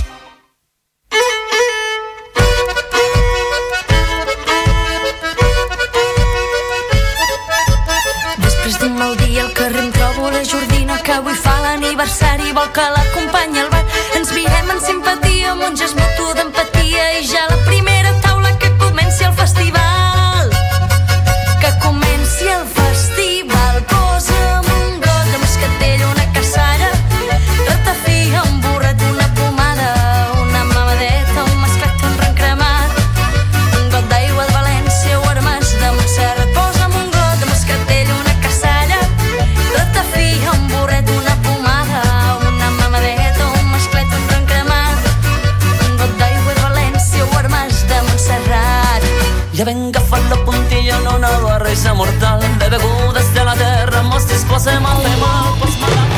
Notícies en xarxa, edició matí. Amb Taís Trujillo. Bon dia. Aquesta setmana es compleix el 45è aniversari de la Constitució i s'hi arriba amb el debat de fons sobre l'amnistia. El PP ha aprofitat l'efemèride per mobilitzar de nou milers de persones amb el pretext de la defensa de la Carta Magna i amb proclames contra el govern de Pedro Sánchez. El líder popular Alberto Núñez Feijó ha criticat la designació del verificador internacional en les converses entre el PSOE i Junts amb la negociació estrenada aquest cap de setmana a Suïssa. A tot això, els socialistes han recordat que avui mateix es compleixen 5 anys del bloqueig a la renovació del Consell General del Poder Judicial. Doncs així encapçalem el Notícies en xarxa d'aquest dilluns, dia 4 de desembre, i al punt de les 8 del matí repassem també altres titulars. Bones expectatives del sector turístic per aquest pont de desembre que pot arribar a sumar fins a 5 dies. Les destinacions de muntanya donen el tret de sortida a la temporada d'hivern en espera de l'obertura progressiva de les pistes d'esquí. A comarques com la Cerdanya, els hotelers pronostiquen ocupacions superiors al 80%. L'àrea metropolitana de Barcelona podrà vestir-se d'aigua sense captar-la dels pantans a mig termini. El conseller d'Acció Climàtica, David Mascort, ha dit des de la cimera COP28 que això serà gràcies a les dues desalinitzadores existents i una tercera en projecte, i també de l'aigua depurada que es tornarà a introduir en el cicle de l'aigua. La previsió és doblar l'aigua regenerada en els pròxims 5 anys. I en esports, el Barça es va endur el duel davant l'Atlètic de Madrid per la mínima amb un gol de Joao Fèlix a la primera meitat. El portuguès, cedit pel club matalasser, es va reivindicar, com també ho va fer Iñaki Peña sota pals. Tot i el domini del joc, la falta d'encert blaugrana va mantenir el duel obert fins al final. I en cultura, Balaguer tanca l'any Vallverdú homenatjant la figura de l'escriptor amb un acte sobre la seva trajectòria i empremta que ha combinat teatre, música i projeccions audiovisuals. És la darrera activitat amb motiu del centenari de Josep Vallverdú de les més de 200 que ha impulsat l'institució de les lletres catalanes. I repassats els titulars, ara obrim àrea de serveis. Volem saber com se circula aquesta hora a les 8 de la matí per la xarxa viària catalana. Per tant, connectem amb el Servei Català de Trànsit i amb el Roger Serra. Molt bon dia. Hola, què tal? Bon dia. Doncs en plena hora punta avui parlem d'aturades més o menys habituals en aquesta xarxa viària propera a Barcelona i a les seves rondes. Per exemple, les rondes, és cert que la ronda de dalt, la ronda litoral, totes dues van molt carregades, amb molt trànsit en general, en sentit Llobregat, sobretot, i de les vies de l'extrem sud ens quedem sobretot amb l'autopista B23. Aquí també hi ha cua d'uns 5-6 quilòmetres entre Molins de Rei i la zona de Sant Feliu, sempre d'entrada a Barcelona. A l'extrem nord, cap gran sorpresa, carregades les vies del Vallès cap a Barcelona, sobretot C58 i C33, i també parlem d'aturades més o menys habituals a l'autopista AP7, uns 4-5 quilòmetres entre Santa Perpètua i Barberà en sentit sud. Per tant, de retencions en trobarem en aquesta xarxa viària sense grans sorpreses, sense grans incidències. És tot des del Servei Català de Trànsit. I tanquem portada amb la previsió del temps de cara a aquest dilluns. Eh, Lluís Miquel Pérez, molt bon dia. Avui farà fresca, però veurem el sol, eh? Així és, Taís, molt bon dia. I sembla mentida que a hores d'ara el 80% de la població catalana està sota un bon matalàs de núvols. De fet, ja immediatament acabarà plovisquejant una mica a ciutats com Barcelona. Però ja diem, tot això anirà esqueixant rapidíssimament i el cel s'anirà obrint. Cap allà a les 10-11 del matí el sol s'hi veurà a moltes comarques. Ha ajudat a aquest, eh, aquestes clarianes pel vent de ponent que hi anirà bufant, de fet que hi bufa a les comarques de Girona i també amb alguns núvols una mica més gruixuts al nord de Lleida on de fet s'hi han escapat algunes nevadetes, bàsicament doncs ja cap al Pirineu. La temperatura fresqueta. Aquesta tarda el sol serà força dominant, només quedaran alguns núvols més abundants a l'extrem nord de Girona i sobretot a l'Alt Pirineu, on aquest vespre hi tornarà a nevar a cota de 1.200 metres i aquesta tarda força vent a les comarques centrals del país, també les de Tarragona. S'ha de dir que aquesta propera nit i matinada a Girona acabarà plovent o nevant fins i tot al Montseny. Demà al matí es veurà una mica emblanquinat aquesta banda més alta del massís. N'estarem pendents a la xarxa. Notícies en xarxa, edició matí. Aquesta setmana es compleix el 45è aniversari de la Constitució espanyola i amb el pretext de celebrar la Carta Magna, el PP ha organitzat en les últimes hores un altre acte multitudinari a Madrid que s'ha acabat convertint en un clam contra l'amnistia i el govern de Pedro Sánchez. La convocatòria ha plegat 8.000 persones, segons la delegació del govern madrileny, i 15.000, segons el PP, davant del temple de Devot. I ha comptat amb la participació també de Vox, una afluència més baixa que en protestes anteriors. En el seu discurs, el president del PP, Alberto Núñez Feijó, també ha criticat durament la designació d'un verificador internacional en les converses entre el PSOE i Junts i ho ha qualificat d'humiliació insuportable. A més, ha amenaçat de mantenir les mobilitzacions. Es un experto en guerrillas latinoamericanas la que nos tiene que decir cómo España trata a una de sus comunidades autónomas. Exijo, en nombre de España, que cese este despropósito para comprar más tiempo para vivir en la Moncloa, por favor. A tot això, l'expresident de la Generalitat, Carles Puigdemont, ha sortit al pas de les crítiques del PP. En un missatge a la xarxa X ha apuntat que no va veure el partit preocupat per l'honor d'Espanya cada vegada que el seu anterior cap d'estat, el rei Joan Carles, anava a Suïssa. D'aquesta manera els ha recordat que van tenir moltes oportunitats de dir-hi alguna cosa, de perseguir-ho, de veure amb qui es reunia i d'exigir transparència. També ha lamentat que el pacte no tingui, ha dit, el prestigi social social de la testosterona dels qui prometen vessar la sang per salvar la pàtria. I el primer secretari del PSC, Salvador Illa, ha apel·lat al compromís polític a l'hora de buscar solucions davant els reptes de país. En un acte a Bilbao ha demanat deixar enrere la crispació i els insults per apostar pel respecte, la recerca d'acords i tot allò que uneix. En aquest sentit, Illa ha recordat al PP que avui també es compleixen anys d'un bloqueig a la cúpula judicial espanyola. El quinto aniversario de la no renovación del Consejo General del Poder Judicial, ese que algunos instrumentalizan, ese que algunos que se dan golpes en el pecho hablando de la Constitución bloquean.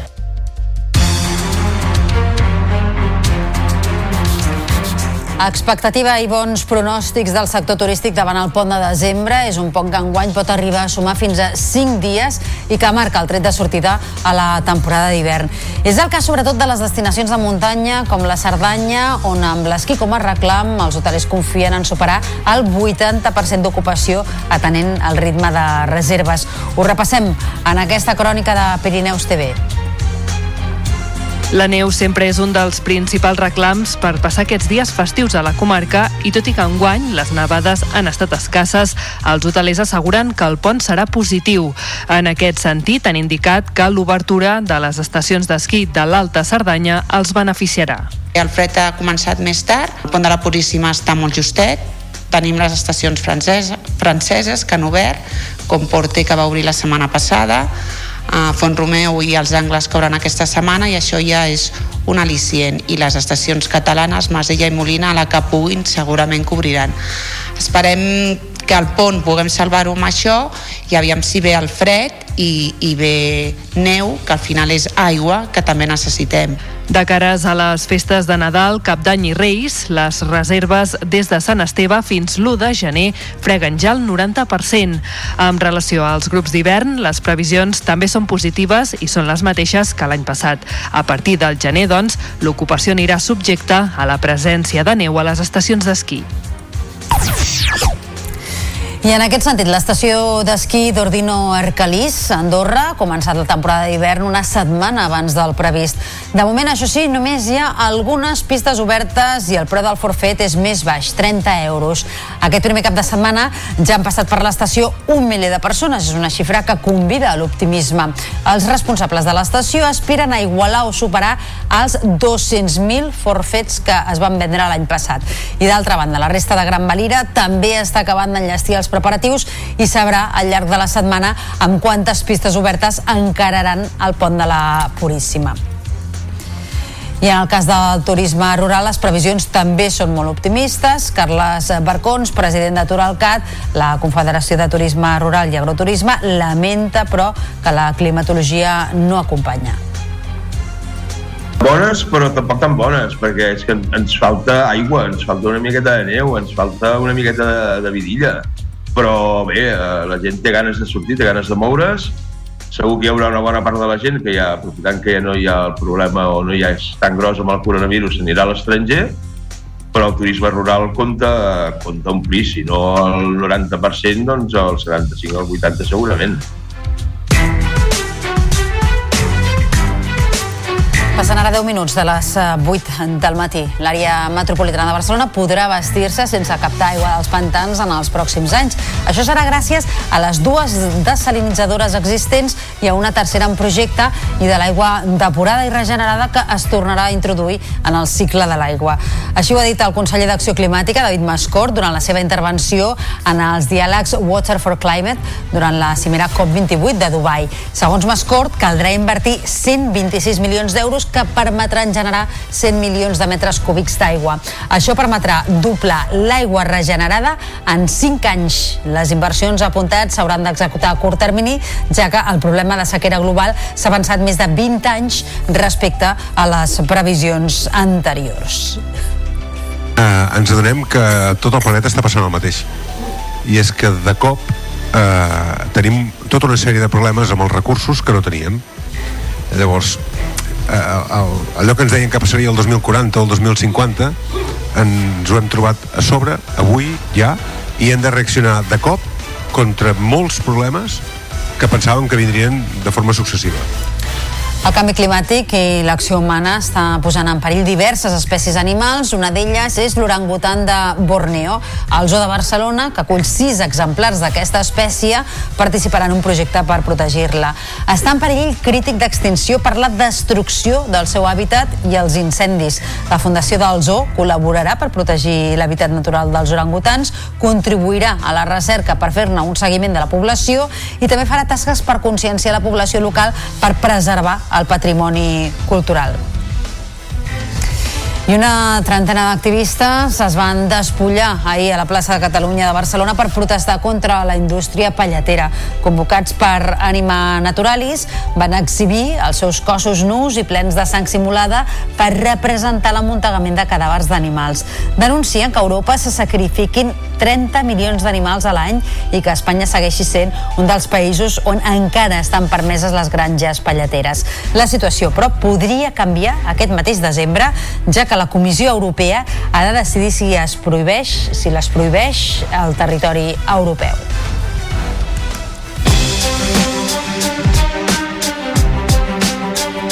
També ara d'un quart de nou del matí, l'aplicació de la tecnologia permet moltes millores que eren impensables ara fa uns anys. Ho hem vist darrerament amb la intel·ligència artificial, però hi ha moltes altres tecnologies complexes que, aplicades en àmbits com el de la salut, permetran que tractaments contra el càncer siguin més eficients o millorar la qualitat de vida dels pacients. Volem conèixer algunes empreses que ja ho estan aplicant. Ens ho explica el nostre company Joan Ferrer. Tothom que hagi patit un càncer coneix la duresa dels tractaments i també la por de patir metàstasi, dos aspectes contra els que lluiten els medicaments de nanoligen. El projecte sorgit de la Universitat Autònoma i l'Hospital de Sant Pau desenvolupa fàrmacs que puguin atacar les cèl·lules tumorals amb més precisió i sense tants efectes secundaris, al mateix temps que evita que el càncer s'expandeixi. Olga Almacelles és la project manager de Nanoligen. Nosaltres estem desenvolupant un, unes nanopartícules que ens permeten dirigir específicament el tractament a la cèl·lula tumoral, a la cèl·lula metastàtica. Un cop la nanopartícula reconeix la cèl·lula tumoral, s'internalitza i s'allibera, entra dins la cèl·lula tumoral i s'allibera específicament aquest tòxic dins la cèl·lula tumoral i mata específicament la cèl·lula tumoral. I abans del tractament hi ha el diagnòstic. Per detectar, per exemple, el càncer de mama cal fer mamografies que apliquen radiació i poden ser doloroses. Un projecte participat pel Barcelona Supercomputing Center desenvolupa un software que permet fer un diagnòstic més acurat a través d'ultrasons i alhora millora el confort en el procés. Josep de la Puente és CTO de Frontwave Imaging. La meitat de les dones tenen un pit anomenat dens, en els quals és més difícil trobar un tumor, sobretot quan és molt petit. Fer servir un tipus de dades que són d'ultrasons, i nosaltres agafem aquestes dades, aquest senyal, i el reconstruïm la imatge a partir de dades de, de so, pistes d'àudio, diguéssim, i construïm una imatge fent servir supercomputació, bàsicament algoritmes de càlcul molt avançats que ens permeten d'aquestes dades construir una imatge que realment té una resolució semblant o superior a les que trobem en, en mamografies i donar la capacitat de diagnosticar en tot tipus de teixits. El càncer de mama afecta una de cada vuit dones. I milers de persones s'han posat la gorra al poble espanyol de Barcelona per donar visibilitat als infants i adolescents que pateixen càncer. L'Associació de Familiars i Amics de Nens Oncològics de Catalunya organitza des de fa 23 anys aquesta jornada per recaptar fons per la recerca sobre el càncer infantil. Les famílies han reclamat que les cures pediàtriques siguin un dret i no un privilegi i que els tractaments pal·liatius puguin arribar a tothom. Els nens i nenes supervivents d'un tumor han reivindicat que se'ls tracti igual que a la resta d'infants. Més qüestions. Els Mossos d'Esquadra han detingut nou persones per una baralla amb pals, pedres i armes blanques a la plaça de la Garduny, al costat del Mercat de la Boqueria, a Barcelona. En l'enfrontament, que va passar dissabte al vespre, hi va participar un grup nombrós de persones i entre els detinguts hi ha alguns amb cops i contusions. Els Mossos d'Esquadra han obert una investigació per aclarir les causes de l'enfrontament, mentre que diverses associacions han denunciat la intervenció policial per fer detencions de forma indiscriminada i amb un biaix racista. I a Manresa, els Mossos d'Esquadra investiguen una agressió amb arma blanca a la zona d'oci de Trullols. Els fets es van produir poc abans de les 5 de la matinada de diumenge a l'exterior de la discoteca Born.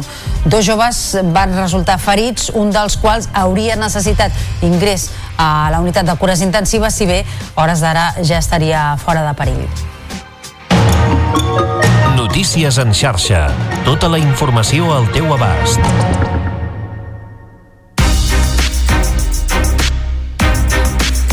Passarà un minut d'un quart de nou del matí.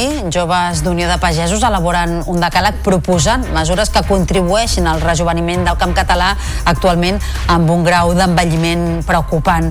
I és que només el 5% dels caps d'explotació del país tenen menys de 35 anys. El document per un futur com cal al camp català ja l'han fet arribar al president de la Generalitat, Pere Aragonès. Ens en dona més detalls l'Ariadna Sánchez des de Lleida TV que es tingui en compte la transversalitat de l'agricultura i es defensi l'espai agrari per mitjà de la normativa de la llei d'espais agraris que obliga un anàlisi d'afectacions en la planificació territorial i urbanística i en projectes d'obres. Aquesta és una de les principals reclamacions que Joves d'Unió de Pagesos ha volgut plasmar en un decàleg entregat al president de la Generalitat. Segons el sindicat, només el 4,84% dels caps d'explotació de Catalunya tenen menys de 35 anys. I aquesta pagesia es va envellint i té cada vegada més dificultats. L'activitat agrària que coneixem nosaltres i la que defensem nosaltres, que és la petita pagesia familiar i mitjana, eh, s'acaba. El sector apunta també sentir-se vulnerable a causa de l'especulació en el desplegament d'energies renovables, així com reclamen al govern que modifiqui el pla de sequera, prioritzant els usos de l'agricultura i la ramaderia davant d'altres no essencials. La sequera ens està dificultant el nostre futur. També vam parlar de la modernització del rec, un tema capdalt aquí, s'ha de fer una mica més des de l'administració pel tema del finançament i ajudar a que, a que qualli, no? a, que, a que ho portem a cap, a, cap aquí. El sindicat assegura que seguirà treballant per lluitar pel futur del sector. Diversos pobles del Ripollès, com ara les Lloses, Sant Jaume de Frontanyà o Molló, pateixen reiterats problemes de cobertura mòbil. Són unes incidències que ja fa mesos que s'arrosseguen i que no s'han solucionat. L'Ajuntament de les Lloses va aprovar fa uns dies una moció per tal d'exigir una solució. Els municipis plantegen fer un front comú per millorar la cobertura mòbil. Ens ho expliquen des de la televisió del Ripollès. El repetidor del Puigdon a Alpens dona servei a part del terme municipal del mateix municipi, però també a Sant Jaume de Frontanyà, les Llosses i també part de Borredà. Són tots municipis afectats i on la cobertura de Movistar associada a aquest repetidor es perd de forma molt sovintejada. Es tracta d'una situació sense sentit que ha portat el ple de les Llosses a aprovar una moció per reparar les deficiències de la instal·lació. Ara aquests darrers temps és terrible. Vull dir, no, no, no parem de tenir eh, tallades de, de cobertura mòbil. Clar, en un moment en què ens estem plantejant fer tot un tema de rehabilitació, de trencar amb aquest despoblament, de donar-li un capgirell al municipi, que aquests serveis bàsics no ens funcionin, és més, funcionin pitjor que fa un any, és un desastre. Només des de l'abril, en més de 10 ocasions, s'ha estat sense cobertura durant hores i en una ocasió durant més de 3 dies seguits.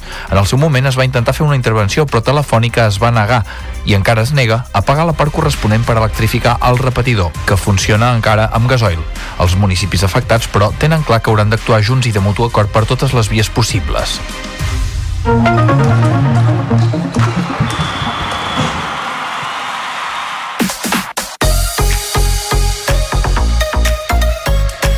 El Barça es va endur el duel davant l'Atlètic de Madrid amb un gol de Joao Fèlix a la primera meitat. El portuguès, dit pel club matalasser, es va reivindicar amb un bon partit com també ho va fer Iñaki Peña sota pals.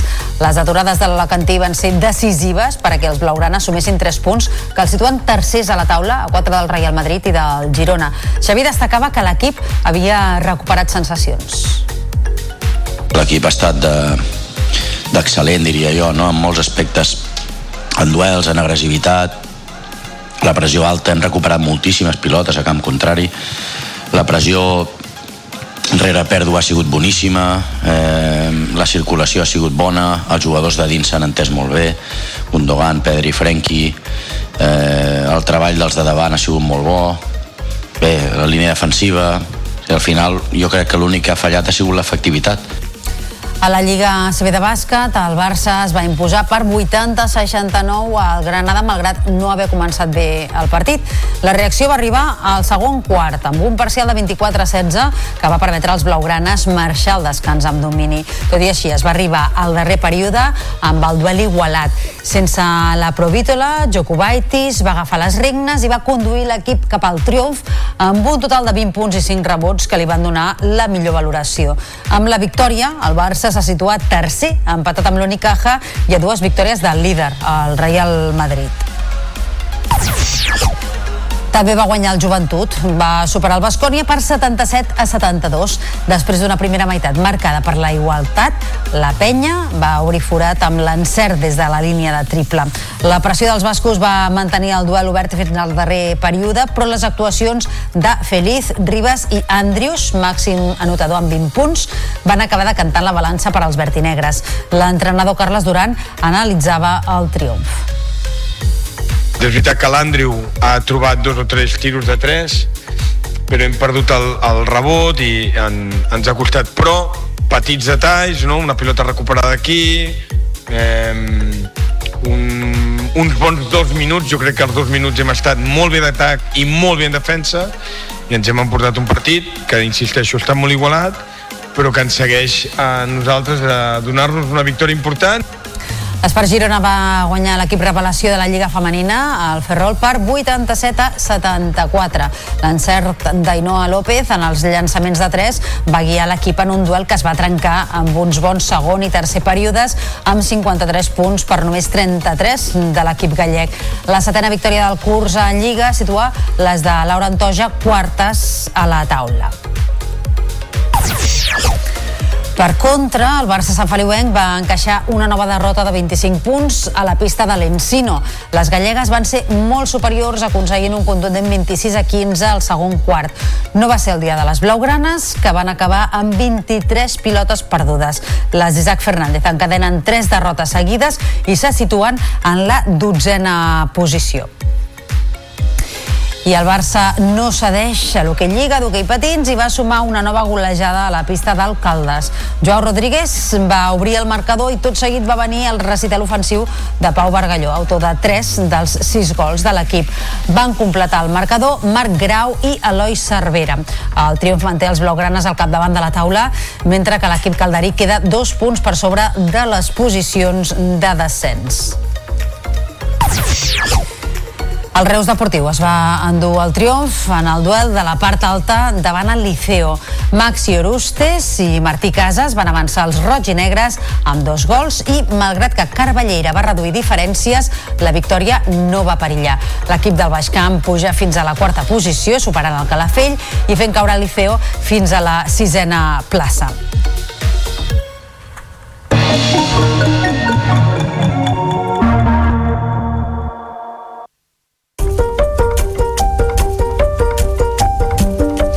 Balaguer va tancar ahir l'any Vallverdú homenatjant la figura de l'escriptor amb un acte sobre la seva trajectòria que va combinar teatre, música i projeccions audiovisuals. El Teatre Municipal de Balaguer va ser escenari de la darrera posada en escena dels actes impulsats per la Institució de les Lletres Catalanes. Han estat més de 200 activitats celebrades arreu del país amb motiu del centenari de Josep Vallverdú. Ahir diumenge, centenars de persones, entre veïns, familiars i autoritats, van acompanyar Vallverdú en un acte que va repassar la seva trajectòria. El mateix Vallverdú de destacar l'estima que sempre ha rebut de la ciutadania. La sensació de ser estimat, de tu a tu, més enllà de l'homenatge a l'escriptor, al comentarista social, al militant de la defensa de la llengua. No exagero, el més corprenedor era el goig compartit de l'estada, el brill de la mirada dels infants, el testimoni directe de la bona gent. Més de 300 famílies han buscat aquest diumenge a Lleida el tió o la tiona que per Nadal ha de cagar molts regals.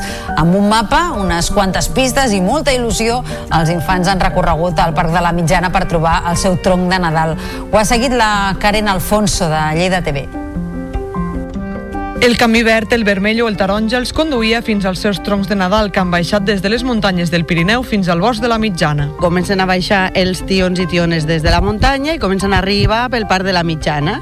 I, clar, arriben molts tions i tiones. I nosaltres, des de l'entitat, el que fem és eh, organitzar totes les famílies, tenim les guardianes del bosc per a vigilar que els tions no, i les tions no s'escapin. Tres camins marcats amb peles de mandarina, el cançone del tió i targetes de colors que han portat els nens i nenes fins a un punt on s'aplegaven troncs de tota mida. Tocava, doncs, endinsar-se pel bosc i buscar aquella cara coneguda. Hemos tenido que hacer un recorrido y, y cuando hemos llegado aquí, pues nos han dicho y los hemos buscado. Hem seguit les indicacions tots junts i després hem vist que aquí hi havia moltes tronques i l'he reconegut amb la cara. 324 famílies han participat aquest diumenge en la cerca del tronc que ja està a casa tapat i ben alimentat per ser cagat el proper 24 de desembre. Més de 7.000 persones han passat aquest cap de setmana per la Farga de l'Hospitalet de Llobregat per assistir al Saló Saga. Són el doble de persones que en l'edició de l'any passat. Aquesta segona edició del Festival del Gaming, organitzat per la Plataforma per la Llengua amb el suport de la Generalitat, ha acollit una partida de League of Legends en català i ha passat de 50 a 75 expositors. Les competicions del Saló s'han pogut seguir en directe a YouTube i Twitch. A més, el certamen ha premiat Ugly com a millor videojoc en català de l'any, videojoc amb millor jugabilitat i joc en català amb millor art visual. I una cinquantena d'editorials i llibreries han participat aquest cap de setmana en la sisena edició de la Fira Indi Lletres a la Bisbal d'Empordà. L'encarregat d'inaugurar la fira ha estat el cineasta Albert Serra i enguany el Premi Lluciet Canyà ha estat per a Gemma Medina pel seu article Saber dir la Vivó. A més, s'han organitzat contacontes, tertúlies, debats i concerts.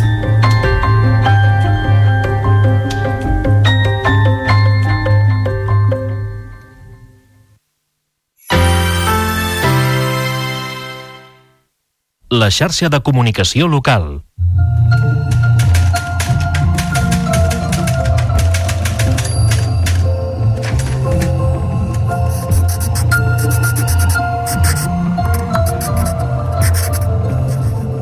Terra de poetes. Joan Jimeno, Rapsoda.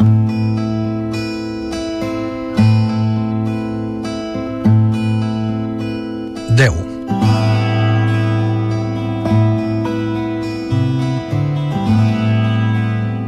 Fins a buidar-se en un moment de goig, fins a saber que pot interpretar-se dins un temps que no cal localitzar, fins a sentir el plaer d'aquest buidar-se en àmbits coneguts i repetits sense que els canvis puguin entristir-nos, buscant plaer al lloc on el sofriment fou prou intens per singularitzar-se, fins a sentir el sentit d'aquest buidar-se perquè un altre li dona. Sé que vull sortir a buscar-me i no ho faig perquè algú m'està vivint en uns actes que em plau endevinar i és això l'alegria. Prendré el telèfon i sentiré un eco, prendré el retrat i sentiré l'aroma i la frescor del paisatge del fons. Provaré d'explicar per què una imatge tan diferent de mi pot explicar-me i em reconeixeré tocant els llavis.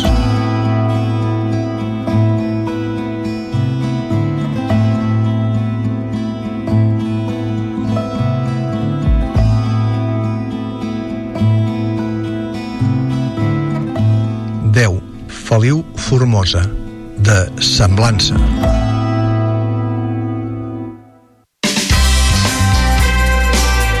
La xarxa de comunicació local.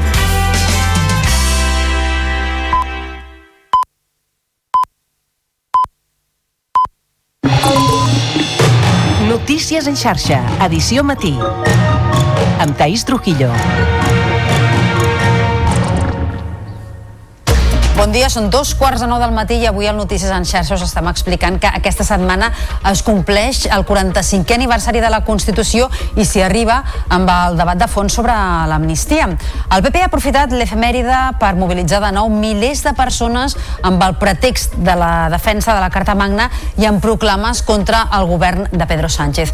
El líder popular, Alberto Núñez Feijóo, ha criticat la designació del verificador internacional en les converses entre el PSOE i Junts amb la negociació estrenada aquest cap de setmana a Suïssa. A tot això, els socialistes han recordat que avui mateix es compleixen 5 anys del bloqueig en la renovació del Consell General del Poder Judicial. També us estem explicant que el sector turístic encara amb bones perspectives aquest pont de desembre, que pot arribar a sumar fins a 5 dies. Les destinacions de muntanya donen el tret de sortida a la temporada d'hivern en espera de l'obertura progressiva de les pistes d'esquí. A comarques com la Cerdanya, els hotelers pronostiquen ocupacions superiors al 80%. I d'aquí a uns minuts parlarem amb Javier Andaluz, que és el responsable de canvi climàtic d'Ecologistes en Acció a Espanya, per tal de valorar els primers acords de la cimera COP28 que les Nacions Unides estan celebrant aquests dies a Dubai. En el marc d'aquesta cimera, el conseller d'Acció Climàtica, David Mascort, ha assegurat que l'àrea metropolitana de Barcelona podrà abastir-se d'aigua sense captar-la dels pantans a mig termini. Serà gràcies a les dues desalinitzadores existents i una tercera en projecte projecte i de l'aigua depurada que es tornarà a introduir en el cicle de l'aigua. I en aquesta darrera mitja hora del Notícies en xarxa també coneixerem com la tecnologia contribueix als avenços en l'àmbit de la salut. Des d'afinar més en el diagnòstic del càncer a fer tractaments menys agressius.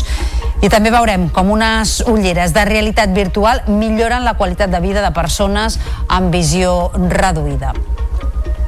I en esports, el Barça es va endur el duel davant l'Atlètic de Madrid per la mínima amb un gol de Joao Fèlix a la primera meitat. El portuguès, cedit pel club matalassé, es va reivindicar, com també ho va fer Iñaki Penya sota pals. Tot i el domini del joc, la falta d'encert blaugrana va mantenir el duel obert fins al final. I en cultura, Balaguer tanca l'any Vallverdú homenatjant la figura de l'escriptor amb un acte sobre la seva trajectòria i l'empremta que ha tingut i que ha combinat teatre, música i projeccions audiovisuals. És la darrera activitat amb motiu del centenari de Josep Vallverdú, de les més de 200 que ha impulsat l'Institució de les Lletres Catalanes. Notícies en xarxa, edició matí. Aquesta setmana es compleix el 45è aniversari de la Constitució espanyola i amb el pretext de celebrar la Carta Magna el PP ha organitzat en les últimes hores un altre acte multitudinari a Madrid que s'ha acabat convertint en un clam contra l'amnistia i el govern de Pedro Sánchez. La convocatòria ha plegat 8.000 persones, segons la delegació del govern madrileny, i 15.000, segons el PP, davant del temple de Devot. I ha comptat amb la participació també de Vox. En el seu discurs, el president del PP, Alberto Núñez Feijóo, també ha criticat durament la designació d'un verificador internacional en les converses entre el PSOE i Junts i ho ha qualificat d'humiliació insuportable. A més, ha amenaçat de mantenir les mobilitzacions. Es un experto en guerrillas latinoamericanas la que nos tiene que decir cómo España trata a una de sus comunidades autónomas. Exijo, en nombre de España, que cese este despropósito para comprar más tiempo para vivir en la Moncloa, por favor. A tot això, l'expresident de la Generalitat, Carles Puigdemont, ha sortit al pas de les crítiques del PP. En un missatge a la xarxa X ha apuntat que no va veure el partit preocupat per l'honor d'Espanya cada vegada que el seu anterior cap d'estat, el rei emèrit Joan Carles, anava a Suïssa. D'aquesta manera els ha recordat que van tenir moltes oportunitats de dir-hi alguna cosa, de perseguir-ho, de veure amb qui es reunia i d'exigir transparència. També ha lamentat que el pacte no tingui, ha dit, el prestigi social de la testosterona dels qui prometen vessar la sang per salvar la pàtria. I el primer secretari del PSC, Salvador Illa, ha apel·lat al compromís polític a l'hora de buscar solucions davant els reptes de país.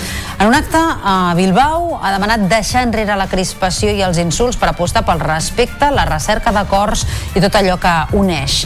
En aquest sentit, Illa ha recordat al PP que avui també es compleixen anys d'un bloqueig a la cúpula judicial espanyola.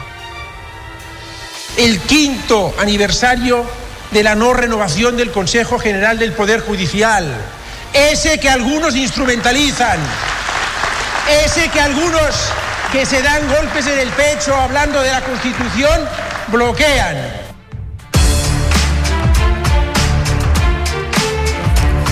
Passen ara 5 minuts de dos quarts de 9 del matí, expectativa i bons pronòstics del sector turístic davant el pont de desembre. Un pont que enguany pot arribar a sumar fins a 5 dies i que marca el tret de sortida a la temporada d'hivern. És el cas sobretot de les destinacions de muntanya com la Cerdanya, on amb l'esquí com a reclam els hotelers confien en superar el 80% d'ocupació atenent al ritme de reserves actual. Ho repassem en aquesta crònica de Pirineus TV. La neu sempre és un dels principals reclams per passar aquests dies festius a la comarca i tot i que enguany les nevades han estat escasses, els hotelers asseguren que el pont serà positiu. En aquest sentit, han indicat que l'obertura de les estacions d'esquí de l'Alta Cerdanya els beneficiarà. El fred ha començat més tard, el pont de la Puríssima està molt justet, tenim les estacions franceses, franceses que han obert, com Porte que va obrir la setmana passada, a Font Romeu i els angles obren aquesta setmana i això ja és un al·licient i les estacions catalanes, Masella i Molina, a la que puguin segurament cobriran. Esperem que al pont puguem salvar-ho amb això i aviam si ve el fred i, i ve neu, que al final és aigua, que també necessitem. De cares a les festes de Nadal, Cap d'Any i Reis, les reserves des de Sant Esteve fins l'1 de gener freguen ja el 90%. En relació als grups d'hivern, les previsions també són positives i són les mateixes que l'any passat. A partir del gener, doncs, l'ocupació anirà subjecta a la presència de neu a les estacions d'esquí. I en aquest sentit, l'estació d'esquí d'Ordino Arcalís a Andorra ha començat la temporada d'hivern una setmana abans del previst. De moment, això sí, només hi ha algunes pistes obertes i el preu del forfet és més baix, 30 euros. Aquest primer cap de setmana ja han passat per l'estació un miler de persones. És una xifra que convida a l'optimisme. Els responsables de l'estació aspiren a igualar o superar els 200.000 forfets que es van vendre l'any passat. I d'altra banda, la resta de Gran Valira també està acabant d'enllestir els preparatius i sabrà al llarg de la setmana amb quantes pistes obertes encararan el pont de la Puríssima. En el cas del turisme rural, les previsions també són molt optimistes. Els pronòstics apunten a una ocupació que podria rondar el 90%. Carles Barcons, president de Turalcat, la Confederació del Turisme Rural i l'Agroturisme, també es mostra optimista, tot i que lamenta que la climatologia no acompanyi. Ho ha explicat fa uns minuts aquí, al Notícies en xarxa bones però tampoc tan bones perquè és que ens falta aigua, ens falta una miqueta de neu, ens falta una miqueta de, de vidilla. Però bé, eh, la gent té ganes de sortir, té ganes de moure's. Segur que hi haurà una bona part de la gent que ja, aprofitant que ja no hi ha el problema o no hi ha és tan gros amb el coronavirus, anirà a l'estranger. Però el turisme rural compta, compta un plis, si no el 90%, doncs el 75 o el 80 segurament.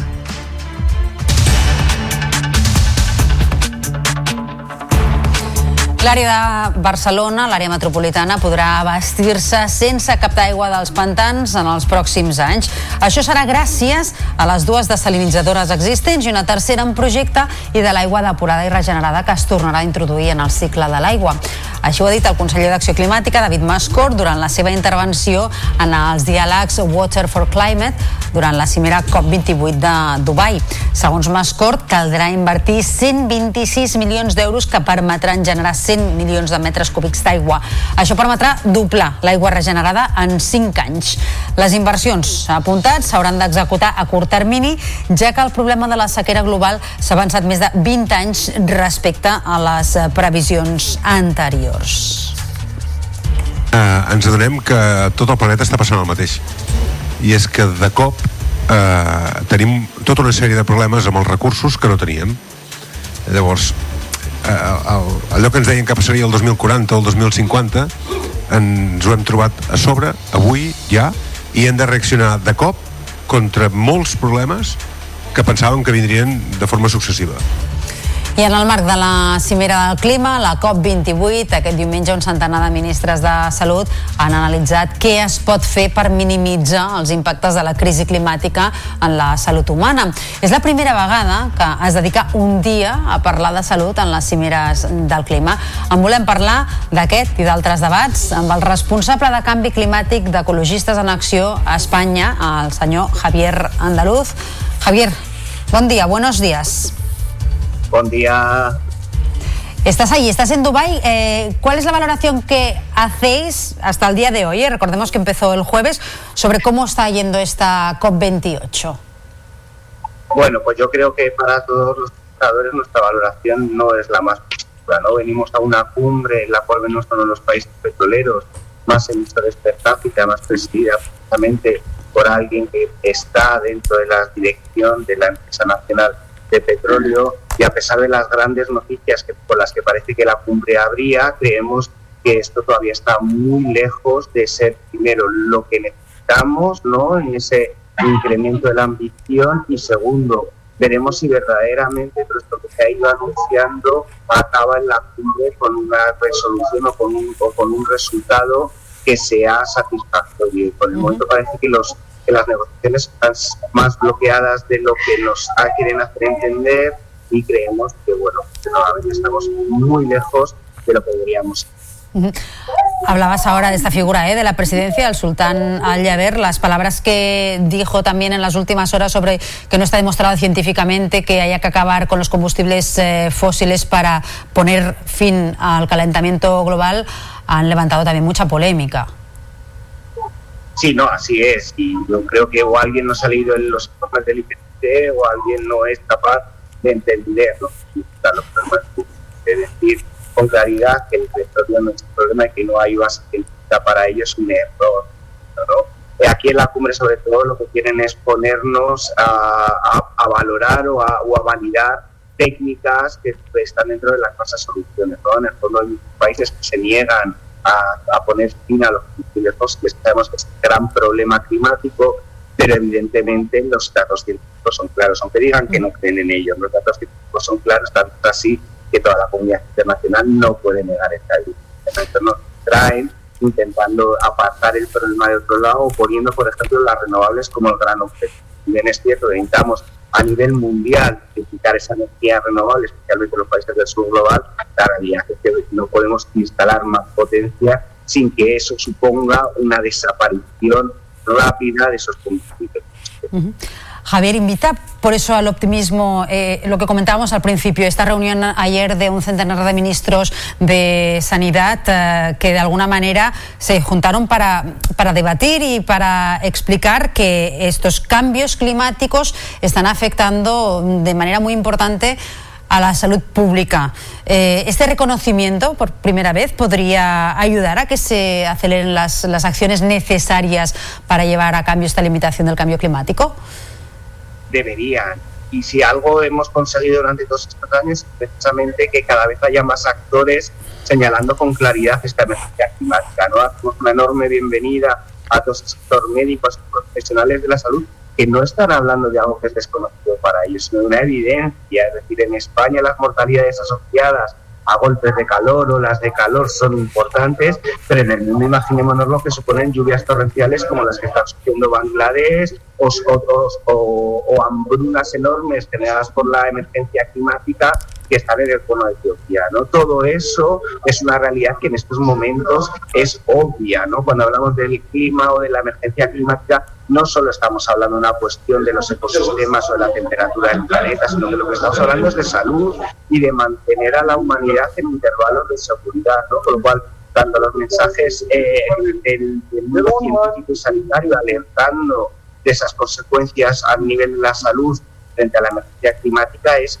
muy importante y debería hacernos abrir los ojos precisamente para ser conscientes de que no hablamos de un problema lejano, sino de un problema que ya nos está afectando, ¿no? Cerrabais veníais con una noticia sobre el enorme problema de sequía que está afrontando la región eh, en, estos, en estos momentos. Eso no solamente es un problema de salud, también es un problema de cómo vamos a poder producir la alimentación que necesitamos en nuestro territorio. Javier, a ocho días de que se cierre la cumbre, el día 12, recordemos, eh, situémonos en el futuro, en estas conclusiones de aquí a poco más de una semana, ¿qué tendría que aprobarse para que considerarais que esta COP28 no ha sido un fracaso, que ha valido la pena?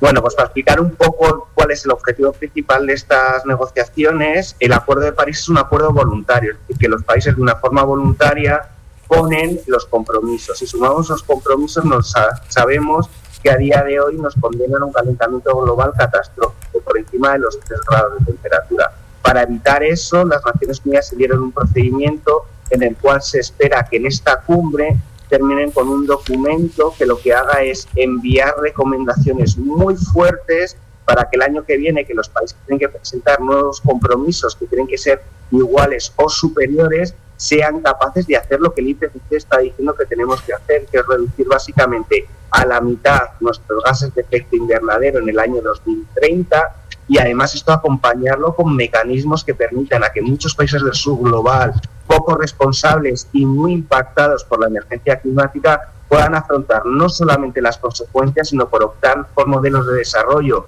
para eliminar la pobreza y otras cuestiones eh, no basados en los combustibles fósiles. ¿no? Con lo cual, lo que nosotros estamos pidiendo en estos momentos es básicamente una cosa, poner fin definitivo a esos combustibles fósiles a nivel global y acompañar eso de medidas de transición y de financiación del norte responsable al sur global que está sufriendo los impactos que permitan hacer esta descarbonización de la economía de una forma muy rápida. Y este es el único resultado admitible. No nos vale un resultado de poner fin a los combustibles fósiles poniendo adjetivos que ni tan siquiera sabemos qué significan, ¿no? Como ese famoso un abate o esas, o esas falsas soluciones a veces que se ponen, como la captura y el almacenamiento de carbono, o la triste noticia de que antes de ayer pedían triplicar las energías renovables. Todas estas falsas soluciones que deben estar fuera de la decisión y lo que necesitamos es poner una fecha para el fin de la extracción y del uso de combustibles fósiles.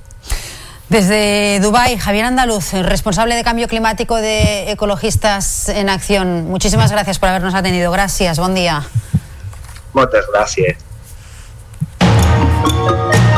Notícies en xarxa. Tota la informació al teu abast.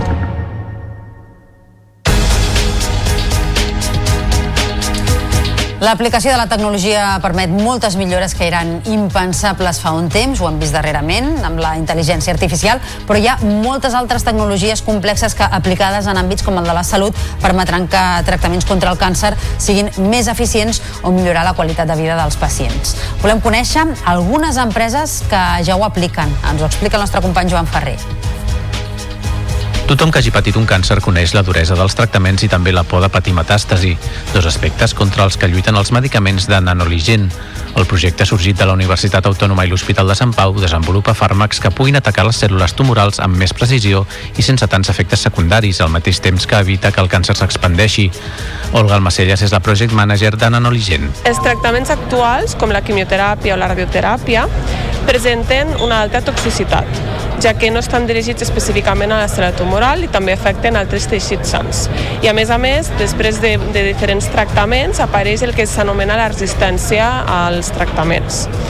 En comparació, nosaltres estem desenvolupant un, unes nanopartícules que ens permeten dirigir específicament el tractament a la cèl·lula tumoral, a la cèl·lula metastàtica.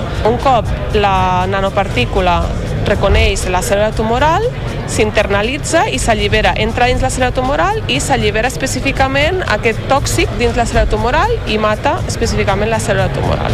I abans del tractament ha el diagnòstic. Per detectar, per exemple, el càncer de mama cal fer mamografies que apliquen radiació i poden ser doloroses. Un projecte participat pel Barcelona Supercomputing Center desenvolupa un software que permet fer un diagnòstic més acurat a través d'ultrasons i alhora millora el confort en el procés. Josep de la Puente és CTO de Frontwave Imaging. La meitat de les dones tenen un pit anomenat dens, en els quals és més difícil trobar un tumor, sobretot quan és molt petit. Fer servir un tipus de dades que són d'ultrasons, i nosaltres agafem aquestes dades, aquest senyal, i el reconstruïm la imatge a partir de dades de, de so, pistes d'àudio, diguéssim, i construïm una imatge fent servir supercomputació, bàsicament algoritmes de càlcul molt avançats que ens permeten d'aquestes dades construir una imatge que realment té una resolució semblant o superior a les que trobem en, en mamografies i donar la capacitat de diagnosticar en tot tipus de teixits. El càncer de mama afecta una de cada vuit dones i per millorar la qualitat de vida del Biel, un nen amb baixa visió, els seus pares van crear unes ulleres intel·ligents que li faciliten la mobilitat. Pankaj Sarangal és assessor financer de Biel Glasses. Biel pateix de baixa visió, que és una enfermedad que és set vegades més comú que la ceguera completa i una de les seves conseqüències és que la gent amb baixa visió té problemes de mobilitats perquè no són capaços de detectar obstacles, d'acord? Llavors, el que fan les, uh, les ulleres és aquesta detecció d'obstacles que no es poden veure la gent amb baixa visió. Et fan una indicacions de ei, tens un obstacle just aquí que no pots veure amb, amb, les teves, amb la teva vista, diguem. És una combinació d'intel·ligència artificial, realitat mixta i computer vision, d'acord? Llavors, combinen aquestes tres tecnologies i et fan indicacions i deteccions d'aquests obstacles, donant-li una autonomia a la gent amb baixa visió. Per ara, les Biel Glasses són només un prototip, però l'empresa espera poder comercialitzar-les a finals del 2024.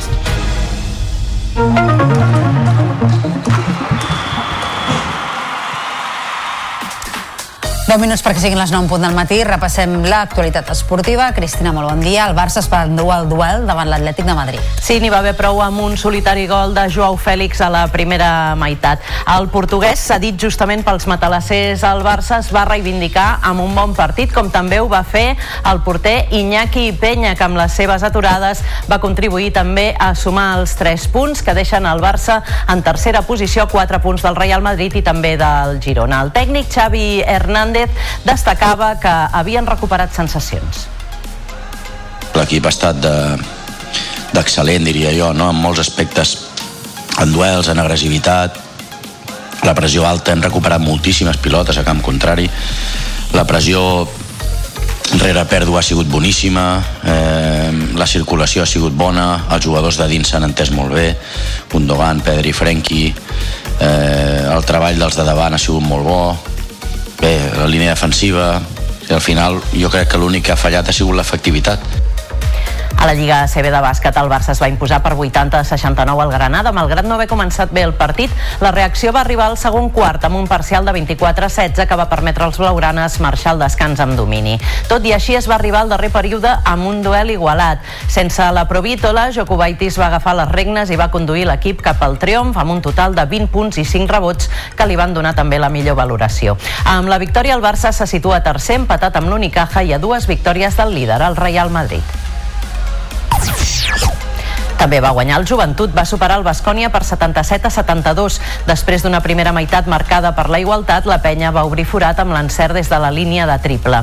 La pressió dels bascos va mantenir el duel obert fins al darrer període, però les actuacions de Feliz, Ribas i Andrews, màxim anotador amb 20 punts, van acabar decantant la balança perquè el triomf es quedés a l'Olímpic. L'entrenador Carles Duran analitzava el triomf.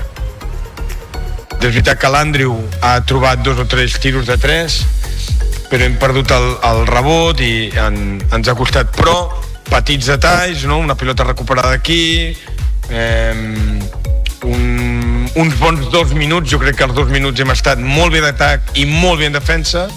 I ens hem emportat un partit que insisteixo està molt igualat però que ens segueix a nosaltres a donar-nos una victòria important L'Espar Girona va guanyar l'equip revelació de la Lliga Femenina, el Ferrol, per 87 a 74. L'encert d'Ainoa López en els llançaments de 3 va guiar l'equip en un duel que es va trencar amb uns bons segon i tercer períodes, amb 53 punts per només 33 de l'equip gallec.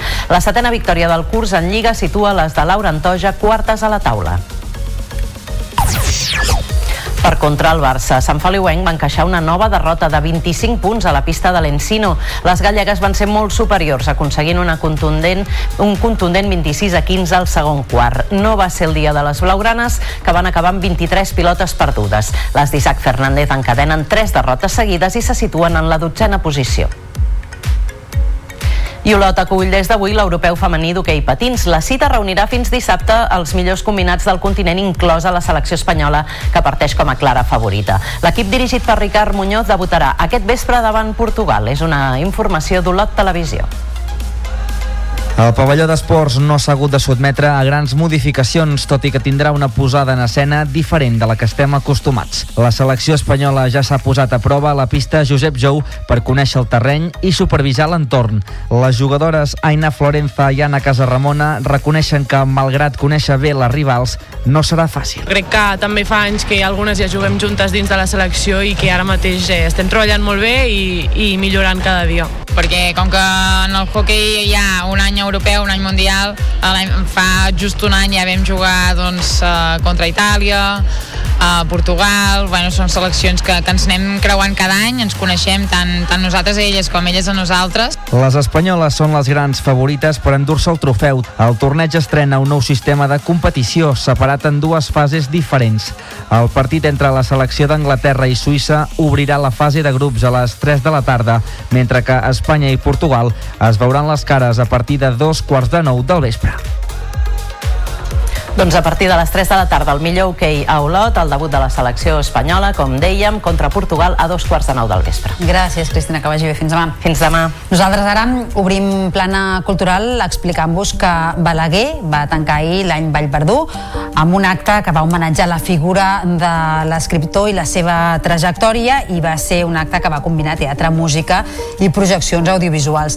El Teatre Municipal va ser escenari doncs, de la darrera posada en escena dels actes impulsats per la Institució de les Lletres Catalanes fins a 200. Han estat 200 activitats celebrades arreu del país amb motiu del centenari de Josep Vallverdú.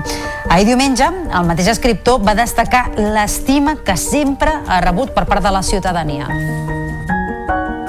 la sensació de ser estimat, de tu a tu, més enllà de l'homenatge a l'escriptor, al comentarista social, al militant de la defensa de la llengua. No exagero, el més corprenedor era el goig compartit de l'estada, el brill de la mirada dels infants, el testimoni directe de la bona gent. Ho deixem aquí, tornem demà. Bon dilluns.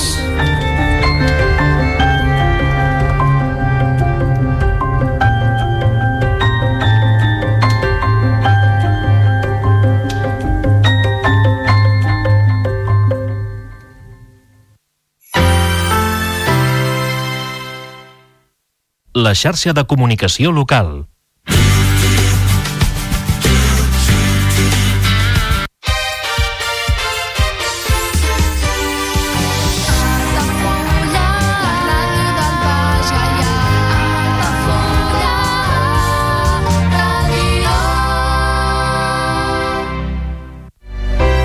Comunions 2024. Dates ja disponibles amb sales privades, jardí, pàrquing privat i la millor gastronomia. Més informació i reserves al 977 65 11 55 i a comercial arroba altafullamarotel.com o al web altafullamarotel.com.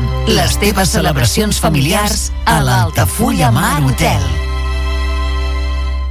Ja coneixes les propostes que t'ofereix el Club Marítim Altafulla? Vine i descobreix totes les nostres activitats. Sortides en caiac o pa del surf, cursos de vela per a totes les edats.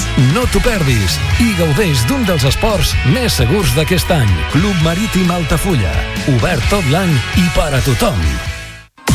Carrer Major, el programa de les emissores del Camp de Tarragona. Cada dia de 4 a 6 de la tarda, el que passa al Camp de Tarragona t'ho expliquem amb la major redacció d'un programa de territori quilòmetre zero. Periodisme de proximitat, continguts de qualitat, amb Anna Plaza i Toni Mateos. Carrer Major. Al meu país la pluja no sap ploure. Canvi climàtic asseca els rius, posa en risc l'abastament d'aigua i la producció d'aliments.